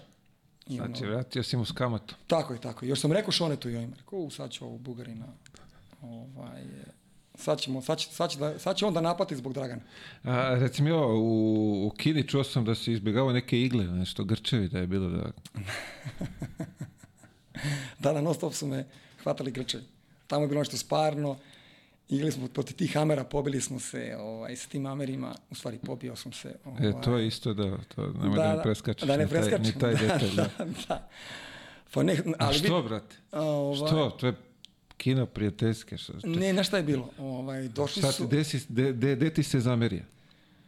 Uh, bili su onako bezobrazni, onako došli su sa nekih kao, dovela ih neka turneja i neki mali playmaker igra u Španiji, sećam se. I bio ozbiljan igrač. Bio bolje od tebe. Sigurno, sigurno, sigurno. Bio je bolji od mene i ovaj, uh, krenuli smo još da igramo i oni su izgubili od nas prvu utakmicu. I onda su nam ono, kenjali, kenjali tu i sad prijateljska utakmica. I ovaj, i počinje druga utakmica ja najavim. Kažem on Bokiju, kažem, brate, prijateljska kao. Ovoga, 100%. Sad svi su mislili da će nešto lakto ili to. I ono, prvi minut to nešto, znaš, kinezi puštaju da se igra prljava odbrana, nema faulova, on metar 20, onako, ko skuni pe neki, znaš, ti su najgori. I ja nešto laktom, on kao se uno i... Ova, Kaže, tad si im porastao u očima nikad. da, da, da, da. I Tad, onda, kaže, tad je, to je taj radi bio. to je taj, da, da, da, baš, baš, baš sam i porastao, eto. Sa ovih 180, verovatno na jedno 190. Tako je, tako je, ovih laž, znaš kako, mer, jedno vreme smo se merili ujutru, znaš, da, znaš kad, ono, to, da. Posle spavanja da, da, se... posle spavanja budeš viši. To, to, to. Tako je, tako je. Je, i još jedna zanimljiva stvar, ovaj, uh, dobio sam informaciju da si išao neki tretman, brate, za prepane. To je jagodinci, jagodinci, jagodinci, tako je, tako je. A vidi, malo šta? da mi objasniš Evo, šta je sada. to bilo i koji su to melemi, šta, kako to izgledalo, brate? Igrali smo finale CBR lige. To je, CBR liga je uh, Jadranska liga, ne, ne mislim da to više ne postoji. Ja, kao Jadranska liga za zemlje Ah, tu sam prvi put vidio ovo Hangu, on i dalje dan danas igra ovoga, što igra u Barceloni, on tada igrao za Albakom sa Borkom Radovićem. Ovaj Hanga što igra u Realu, igra u Realu, sad igra protiv Partizana. To je Jadranska liga, se Hanga zove? Ko bre? Mađa, Mađar? Mađaro. A, da, Mađar, da, okej, da, Mađar. okej. Ja meni sve glavi, Dobra je to glavi bila jagla. liga. Dobra da. je to bila liga. To su igrali uh, Rumuni, Mađari, Slovaci, Česi, Švajcarska, Austrija. I ovaj, otišli smo na Final Four. I zbog toga i dan danas imam posledice. Mislim da smo igrali polufinalu sa Klužom. Ili ne znam s kim smo igrali. I ja meni zapne noga. Zapne mi noga za nekog igrača i samo ostim ode bol. I, brate, ne mogu da igram. Znaš, suda da mi dali neke blokade, odigrali to finale, izgubili smo u finalu, ali ono, okej. Okay. I posle toga ne mogu, oni me vode na terapiju, ja ne, ne mogu, jednostavno, kako ti objasnim, boli me ovde i prepona i prepona me boli. Sad ja sam išao kod svih doktora, ovo. I sad Dragan je imao nekog čudotvorca i ovaj, pošalju oni mene u neku bolnicu u Srbiji i ja dođem, taj čovjek mi stavi med na glavu, brate. Posle prvog dana u bolnici, samo izaći mi se. I oni kao, šta je bilo, što se otišao? Kažem, nema da me zajebao, to je mi stavio med na glavu, priste, normalni. I on mi čovjek gurao, sećam se, gurao mi ruku tu, bre. I kao nešto onda mi namesti preponu. Mislim, on on je lečio, mislim, ne, ne, ne mogu ja da kažem, on je lečio neke ljude od raka i to, ne znam. Sad, znaš kako ti kad dođeš u tu bolnicu, tu, ti, tu su ti ljudi, nije ti prijatno. Mislim, posle jednog dana sam izašao. On kao, ne, ne, taj leči sve ljude, predsednika Rumunije, dolazi Tadića, tada je bio predsednik da Tadić, nema ne. Ma daj, pali, rekao, beže, bre. Vidimo se, vidimo se i ajde paljba odavde i ode mi udar te neke blokade tu i nastavimo. Ovaj, a, te godine smo, mi smo osvojili kup sa Draganom. Kaže, brate, otišao na tretman, vratio se, ništa ne boli, odigruje. Izrokali me onim koktelima, blokadama i odatle su mi sve povrede što i dan danas imam, imam ozbiljnih problema s leđima. E, posle toga sam e, iz Temišava prešao u, bio u Bukurešt, STU, šta je već to sad, ne znam ni ja. I kreću da me bole leđa. I sad imaš kao imaš diskus herniju i, i niko, i sad mene to ubija. Ubija, oni mi daju ni blokadu leđa. Znaš, to je katastrofa. To kad imaš porodicu ti nemaš ti ovaj... Jedan moj drug, jako dobri drug, ti ga znaš, Bane Tomić.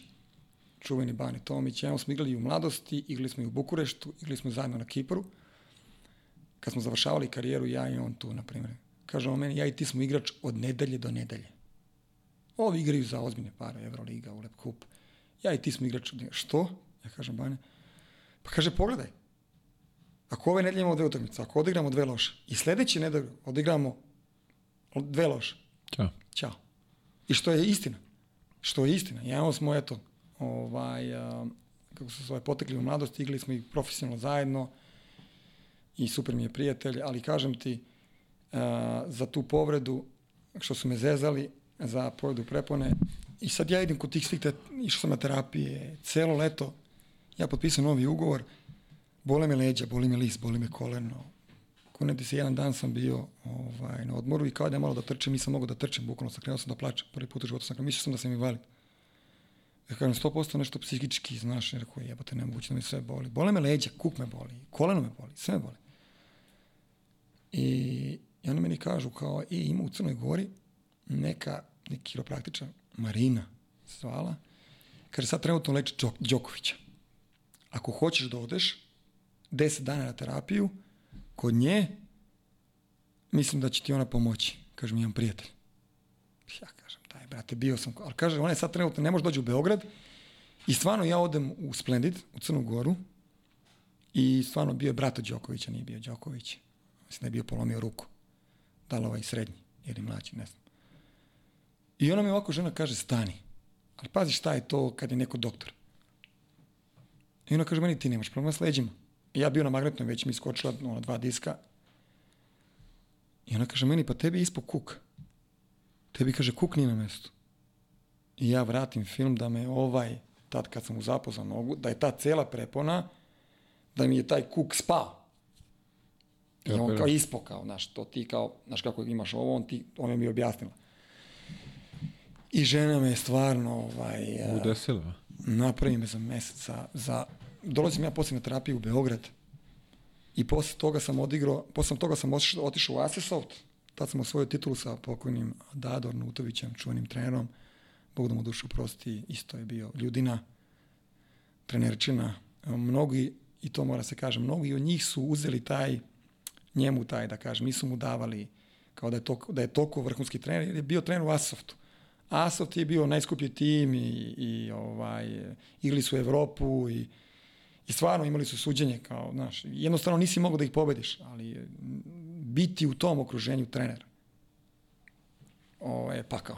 Ja sam to proveo s njim i to je stvarno, ja stvarno to je, ja mislim da je on i tu da je tu dobio tu uh, strašnu bolest je dobio ovaj, nerviranjem oko svega Da, toga. da. Ovaj, Mislim, čuo sam, znam kako je to funkcionisalo, tako to, da, je, da, to je bilo, daleko bilo. da, da, to je bilo... Pogotovo s takvim likovima raditi i... i Ne, ne, ne, to je katastrofa. To je, to je, to je baš onako... I posle toga, kak, mislim, sam imao, dobru tu kao sezonu u Asoftu i posle sam otišao u Krajovu i tu sam imao, da kažem, najbolju sezonu. Jer jednostavno su me, znaš, koliko god uh, taj diskus me je pustio, više mi nije bilo, nije bilo kuk i osjećao sam se. Iako dan danas imam problema sa, ozbiljnih problema s leđima, moram da trenam svaki dan. Imam ozbiljnih problema s leđima. To se obično veže za visoke ljude, ali... pa vidiš, meni je Znači, zbog tog vidiš, da. kuka, znaš, znaš kako, čim su ti jednom iskočili, ja ne znam, ja ne znam, ne, neko izlečio diskuserniju. Ja ti znaš neko ko je izlečio. Ja samo neću da se operišem, ja ne znam koji, taj ko se operisao, taj se opet operisao. Ja ne znam nikog ko je, ovaj, ali ja, zbog tog kuka je meni diskusernija nastala. Jer mi je sve bilo Van, van, van težišta. van- Da, van da, svega, da. da. jasno. E, reci ovo, kad Turbo Rade počinje da razmišlja o kraju karijera? Pet godina pre nego što sam je završio. Opa. Da. Či imao si ovaj, duge planove? Kako ne, odmah. Jer imao sam porodicu. Imao sam porodicu, drugi sin je bio na putu i jednostavno znao sam da tome dolazi kraj. Jesi imao planove? Imao sam planove odmah da otvorim agenciju koja šalje decu u Ameriku jer mi imam tamo su mi da kažem veze. I imao sam planove da se bavim da budem agent. To sam pokušao jedno 5-6 meseci i dobro mi je išlo. Iskreno ti reći, za dva meseca sam oko 15 igrača, sve moje drugove sam završio. I onda je došlo to, to je jako jedan užasan posao, jer ti moraš te, taj novac da naplatiš. A ja nisam imao, ne znam, Spanulica i najbolje te igrače. I ja sam imao igrača ovi koji što, kao što su ja. Ja te zovem polutani, on, od nedelje do nedelje. Znaš. I onda sam krenuo da naplaćujem taj novac i vidim oni kao, znaš, trndaju me ovo, ono, i moj trener meni kaže, slušaj ti, ajde ti da budeš atletski direktor kod mene u školi, u Pensilvaniji, ovaj, da radiš tamo, da budeš tamo i vamo, da mi dovodiš talente i decu koja hoće da u Ameriku. I ja kažem top. I imali smo ideju da otvorimo i dan danas imam ideju da otvorimo američku školu u, u Srbiji. I radimo na tome ovaj, da otvorimo tako neki a, sistem. Um, ima jedna jako dobra škola, a, Ljubomir Ršimović na Kosmaju. Napravio je čovek a, i njegova žena su napravili vrhunsku školu, osnovnu školu i imaju sve uslove kao kampus na Kosmaju.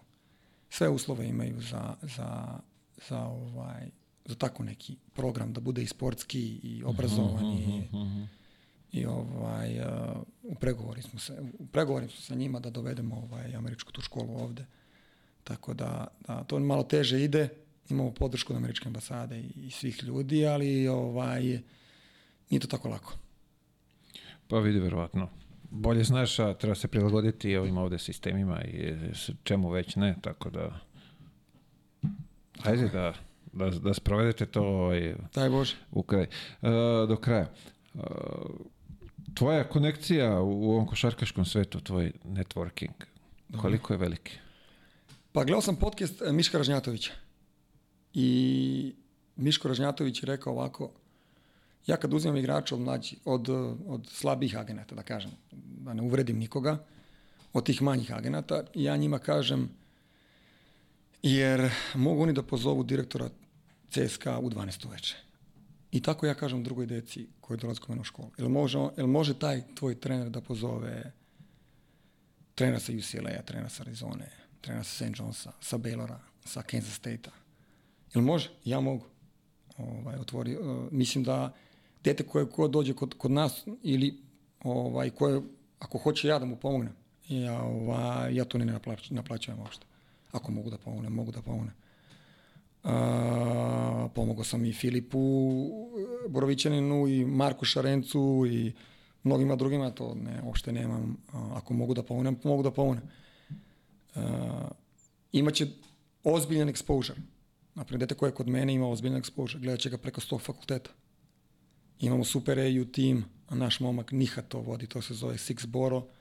Taj EU tim, to je kad je open period, light period, to je posle sezone Okay. imaš na utakmici 50-60 skauta. imamo super saradnju s njim. I jako mi je drago što je i on sa naših prostora. Iako je on Amerikanac, ali i on ovaj, sa naših prostora. Ima taj six boro i on radi u jednoj školi koja nije na košarkaškom nivou kao naša, ali eto, i on me pita stalno. On me pita ili imaš nekog klinca za nas, ili imaš... Kao mi nemamo, eto, on kaže meni, mi nemamo toliko dobru ovaj, košarku, ali ja kao dovedi kod nas dve godine, pa nek završi četvrtu godinu kod tebe. A, tako da imamo to super partnerstvo. Znači, taj ceo... E, od, nama košarka traje kad dođeš od septembra 7. do, do 4. juna. 10 meseci. I sve što imaš u Americi, što možeš da dobiješ, da imaš, da kažem, da te vidi fakultet, da dobiješ šansu da igraš, ti ćeš dobiti. Ti ćeš dobiti to. Tako da, znaš, a, to je moj neki network. Mogu da Jasno, okrenem, mogu da. da. okrenem bilo kog trenera s fakulteta ili imam tamo igrača. Pogotovo što je to poprično daleko odavde, tako da razumem. I ja, i ne samo, na primjer, ova deca što su kod mene, ja imam sigurno sada, mi imamo godišnje jedno 60 momaka. Znači, svi oni odu na fakultet, ne, ne ode 60, zato što su zadnja godina njih 20. Ja sam pomogao našim momcima, eto, sad ne spominjem, ajde, kažemo, Vukašin Mašić, on je igrao u Zvezdi, on je bio kod nas, on je otišao na Hofstru, na diviziju 1, pa je posle toga smo ga transferovali na main, pa je odigrao super na mainu, pa smo ga sad transferovali bili prošle godine na Portland University. Pa sam imao druge momke kojima ja pomažem svake godine, znači prvi poziv, da ja kažem, mojih studenta, bilo gde, da su na fakultetu, ja, to sam ja. Ja sam imao klinca prvi poziv, to mi je bio prvi student. Jovan Gruničić, on je iz Bežanjske kose, moj komšija. Mali je sada, završio je biohemiju i radi u, izvini ako pogrešim na srpskom, a, ali na engleskom je Parkinson's a, Research Cen- Center. To je za Parkinsonovu bolest Istraživanje. istraživanja. I on sa 27 godina je tamo sada, znači on je već igra, što bi rekli, naši Euroligu. Ali on je završio, on je bio jedan od mojih najboljih studenta. Imao sam super studenta, neću da, imao sam, njega sam sad nabrojao zato što, ovaj, kažem ti, ali njemu kad je trebala neka pomoć, za neke papire, za, ne znam, za konstataciju, danas me zvao neki momak koji igra u Španiji, moj, ovaj, treba mu da nikada nije osuđivan u Americi. On je bio kod mene pre 7 godina. I ja sam našao nekog advokata koji će da mu to da, da bi mogo da potpiše ugovor u Španiji. Jasno. Tako da, svi moji studenti, da, klijenti, studenti, kako god hoćeš, mogu da me pozovu u 3 sata noću. I stvorio sam Bravo. neverovatne prijatelje kroz te, kroz te klijente. Bravo, bravo, svaka čast za pohvalu. Uh, reci mi ovo, najteža, uh, je najteži moment u tvoje karijere? Šta znam? Uh, pa nisam imao nešto nekih, da kažem, ono, imao sam dosta tih uh, najtežih momenta u karijeri. Mm, ne, to kad sam dobio otkaz, to ne. Pa ako to zovemo karijera, bio sam mlađi. Ovo, igrali smo protiv Zvezde u Pioniru. Bio sam tad u Zemunskoj mladosti sa mojim bivšim zetom, moj najboljim prijateljem Boris Sotirovom. Igrali smo protiv Zvezde i sad bila je, ako Zvezda pobedi jedan, idemo mi Zvezda, ispada FNP. Tada FNP, Šekolarac, Pištoljević i svi ti vrhunski igrači. Piki legenda, mora da ga pozdravim. Mora ga pozoveš ovde, molim te. Mogla bi dalje. Ali njega on moraš da ga pitaš neka pitanja. Ja, poslaću ti ja pitanje koje njega da pitaš. E, dogovorili smo se. A, I ovaj, sećam se, Milutin Aleksić ima zadnji napad i jedan za nas. I da, ako mi vodi, pobedimo jedan, oni i mi idemo. Tica je tad igrao, a i ova Kopriva. Ovaj, um, I Milutin nešto dribla, ističe napad, ovo ono. I on maši. I sad ja vidim Bane se gradi s ticom, sećam se kada je bilo danas. I ja kao da mu tu pomognem. Znaš, kao da, jer ovaj moj neće kao da ide na skoku napad. Cvetić neki, on je sad neki doktor. Sećam se kada je bilo juče. I on u zadnjoj sekundi nikad u životu nije uradio tip-in. Nikad. On je tipuje. Sirena, jedan za zvezdu, prolaze FNP i, i zvezda, mladost ne prolazi na Final Four. Ja padam na kolena i vičem, čiji je ovo igrač? I meni moj Boris kaže, pa tvoj budala. Eto, ako će ovo drugo je sve, pro, ovo je profesionalizam. Ovaj, Ovaj, ovo mi, to mi je bilo i moj pokojni, pokojni trener Tomislav Ilaret je bio tada trener. To je bilo, to je, to, ne, ne mogu ti objasniti. Ja sam plako 7 dana. Eto, ako me pitaš, to nije karijera, to je ljubav bila, ali, ali čiji je ovo igrač? čiji je ovo igrač? I Boki se okreće. Ne znam da mi rekao, rekao pa tvoj. Ja to mi je bio najteži moment moje, moje košarke. Eto. au, vidi, teško vas smešno. Teško, ali smešno. I dan danas kad se setim, čak sam sreo tog Cvetića jedno prema 10 godina u nekom bioskopu. I tad je Toma bio još živ. O, I sretli ga je Tom. I ja mu kažem, e, desi? I on kao, ej, desi sam. Ja kažem, šta desi, bre? Jesi se sećaš, bre, kad si mi... Jesi nekad? On kaže, brate, nikad u životu to nisam uradio. Kao, nije ono... Isto je bio neki čvor, što kaže Boško Đokić. Vi čvorovi. Kad je on? Mislim, ono, to mi je bio... Jaka ovaj, priča. Da. Jaka priča. E, vidio, daj mi... Ajde ovako, ispričali smo nešto svašta, ali daj mi za, za, za evo, savjet neki tvoj konačni za, za mlade igrače i za njihove roditelje. Nek se fokusiraju na školu. Ne, tu nema pada. To, ne, to traje. Nek se fokusiraju na školu. To traje. To je NLI deal za celu... Pa, to je, to je neki moj savjet roditeljima. Korektno. I ja govorim svi koji dolaze kod mene. To je to. Škola je prvo. Upravo tako. Uh, pazio, mi smo ovde doterali ovo do kraja. Super. Lepo smo ovaj lepo smo odvojili vreme za ovo. Hvala što si A, me pozvao. Moraš ove ti na- polutane, ove polutane koje ja, znaš, ne možeš samo ove vrhunske košarkaše za... Pa evo, ajde, evo, krenuo sam Krenuo od tebe, samo, polutana, tako tako, je, tako pa je, ćemo tako je, vidjeti dalje tako kako, je. kako će da ide. Uh, pazio, za kraj, perice, može marker crni,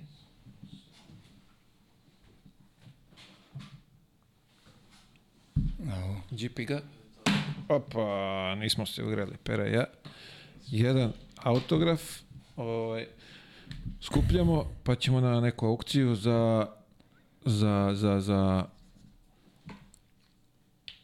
Menjao sam stalno broj, tako da nikad nisam imao isti broj. Znaš, ovi što stavljaju brojeve. da, da, da, da, da. Nisam bio dovoljno toliko dobar da mi daju svaki put broj.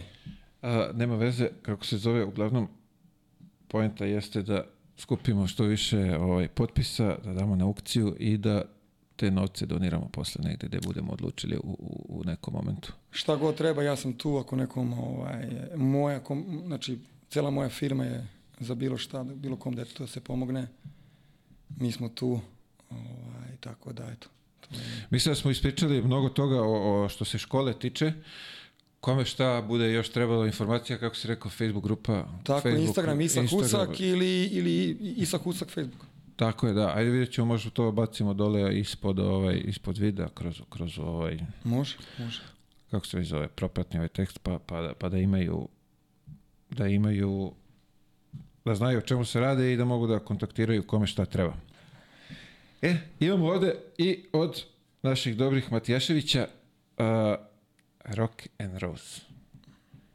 Kažu da ide ovaj lepo vreme, što sad nije lepo vreme, ali ide toplo i, i, i, Nadam i se. lepo vreme. Tako je. Uh, da osvežiš Hvala puno. ove tople dane, Hvala puno, hvala puno. ovaj, da, cugneš kad budeš stigo, a još jednom, zahvaljujem se mnogo na izdanom vremenu, na, Hvala na tebi lepšim puno. pričama, nadam se da smo nekom pomogli malo, eto, čisto da razbistre ovaj, glavu za put za Ameriku, kako to izgleda, šta sve, šta je sve neophodno. A, još jednom, imamo ovde, sedi sad ovo, zp, a, od ovog gospodina Lillarda. To su neke nove, verovatno. Rimujte, bacajte komentare dole, ko više skupi lajkova dobija tikepa, Znači, nove treba da, su, da rimuju. pa da nešto smisle, ne, neku rimu da baci. Ko je to pa, broj? Moj, moj sestrić Miloš Sotirov će to da, da, da odradi 100%. Evo vidi, ja, šta sam rekao? Koji je broj? Miriše na novo 49 i jedna trećina. Tu je. Tu je. 14 Tu je. Može tu je. malo duple čarape da pojača. Miki, ako me čuješ, odmah kreni. Uglavnom, bacajte rime, skupljajte lajkiće i do sledeće srede ćemo već saznati ko je pobednik. Hvala vam još jednom i vidimo sledeće srede. Svako dobro, prijetno.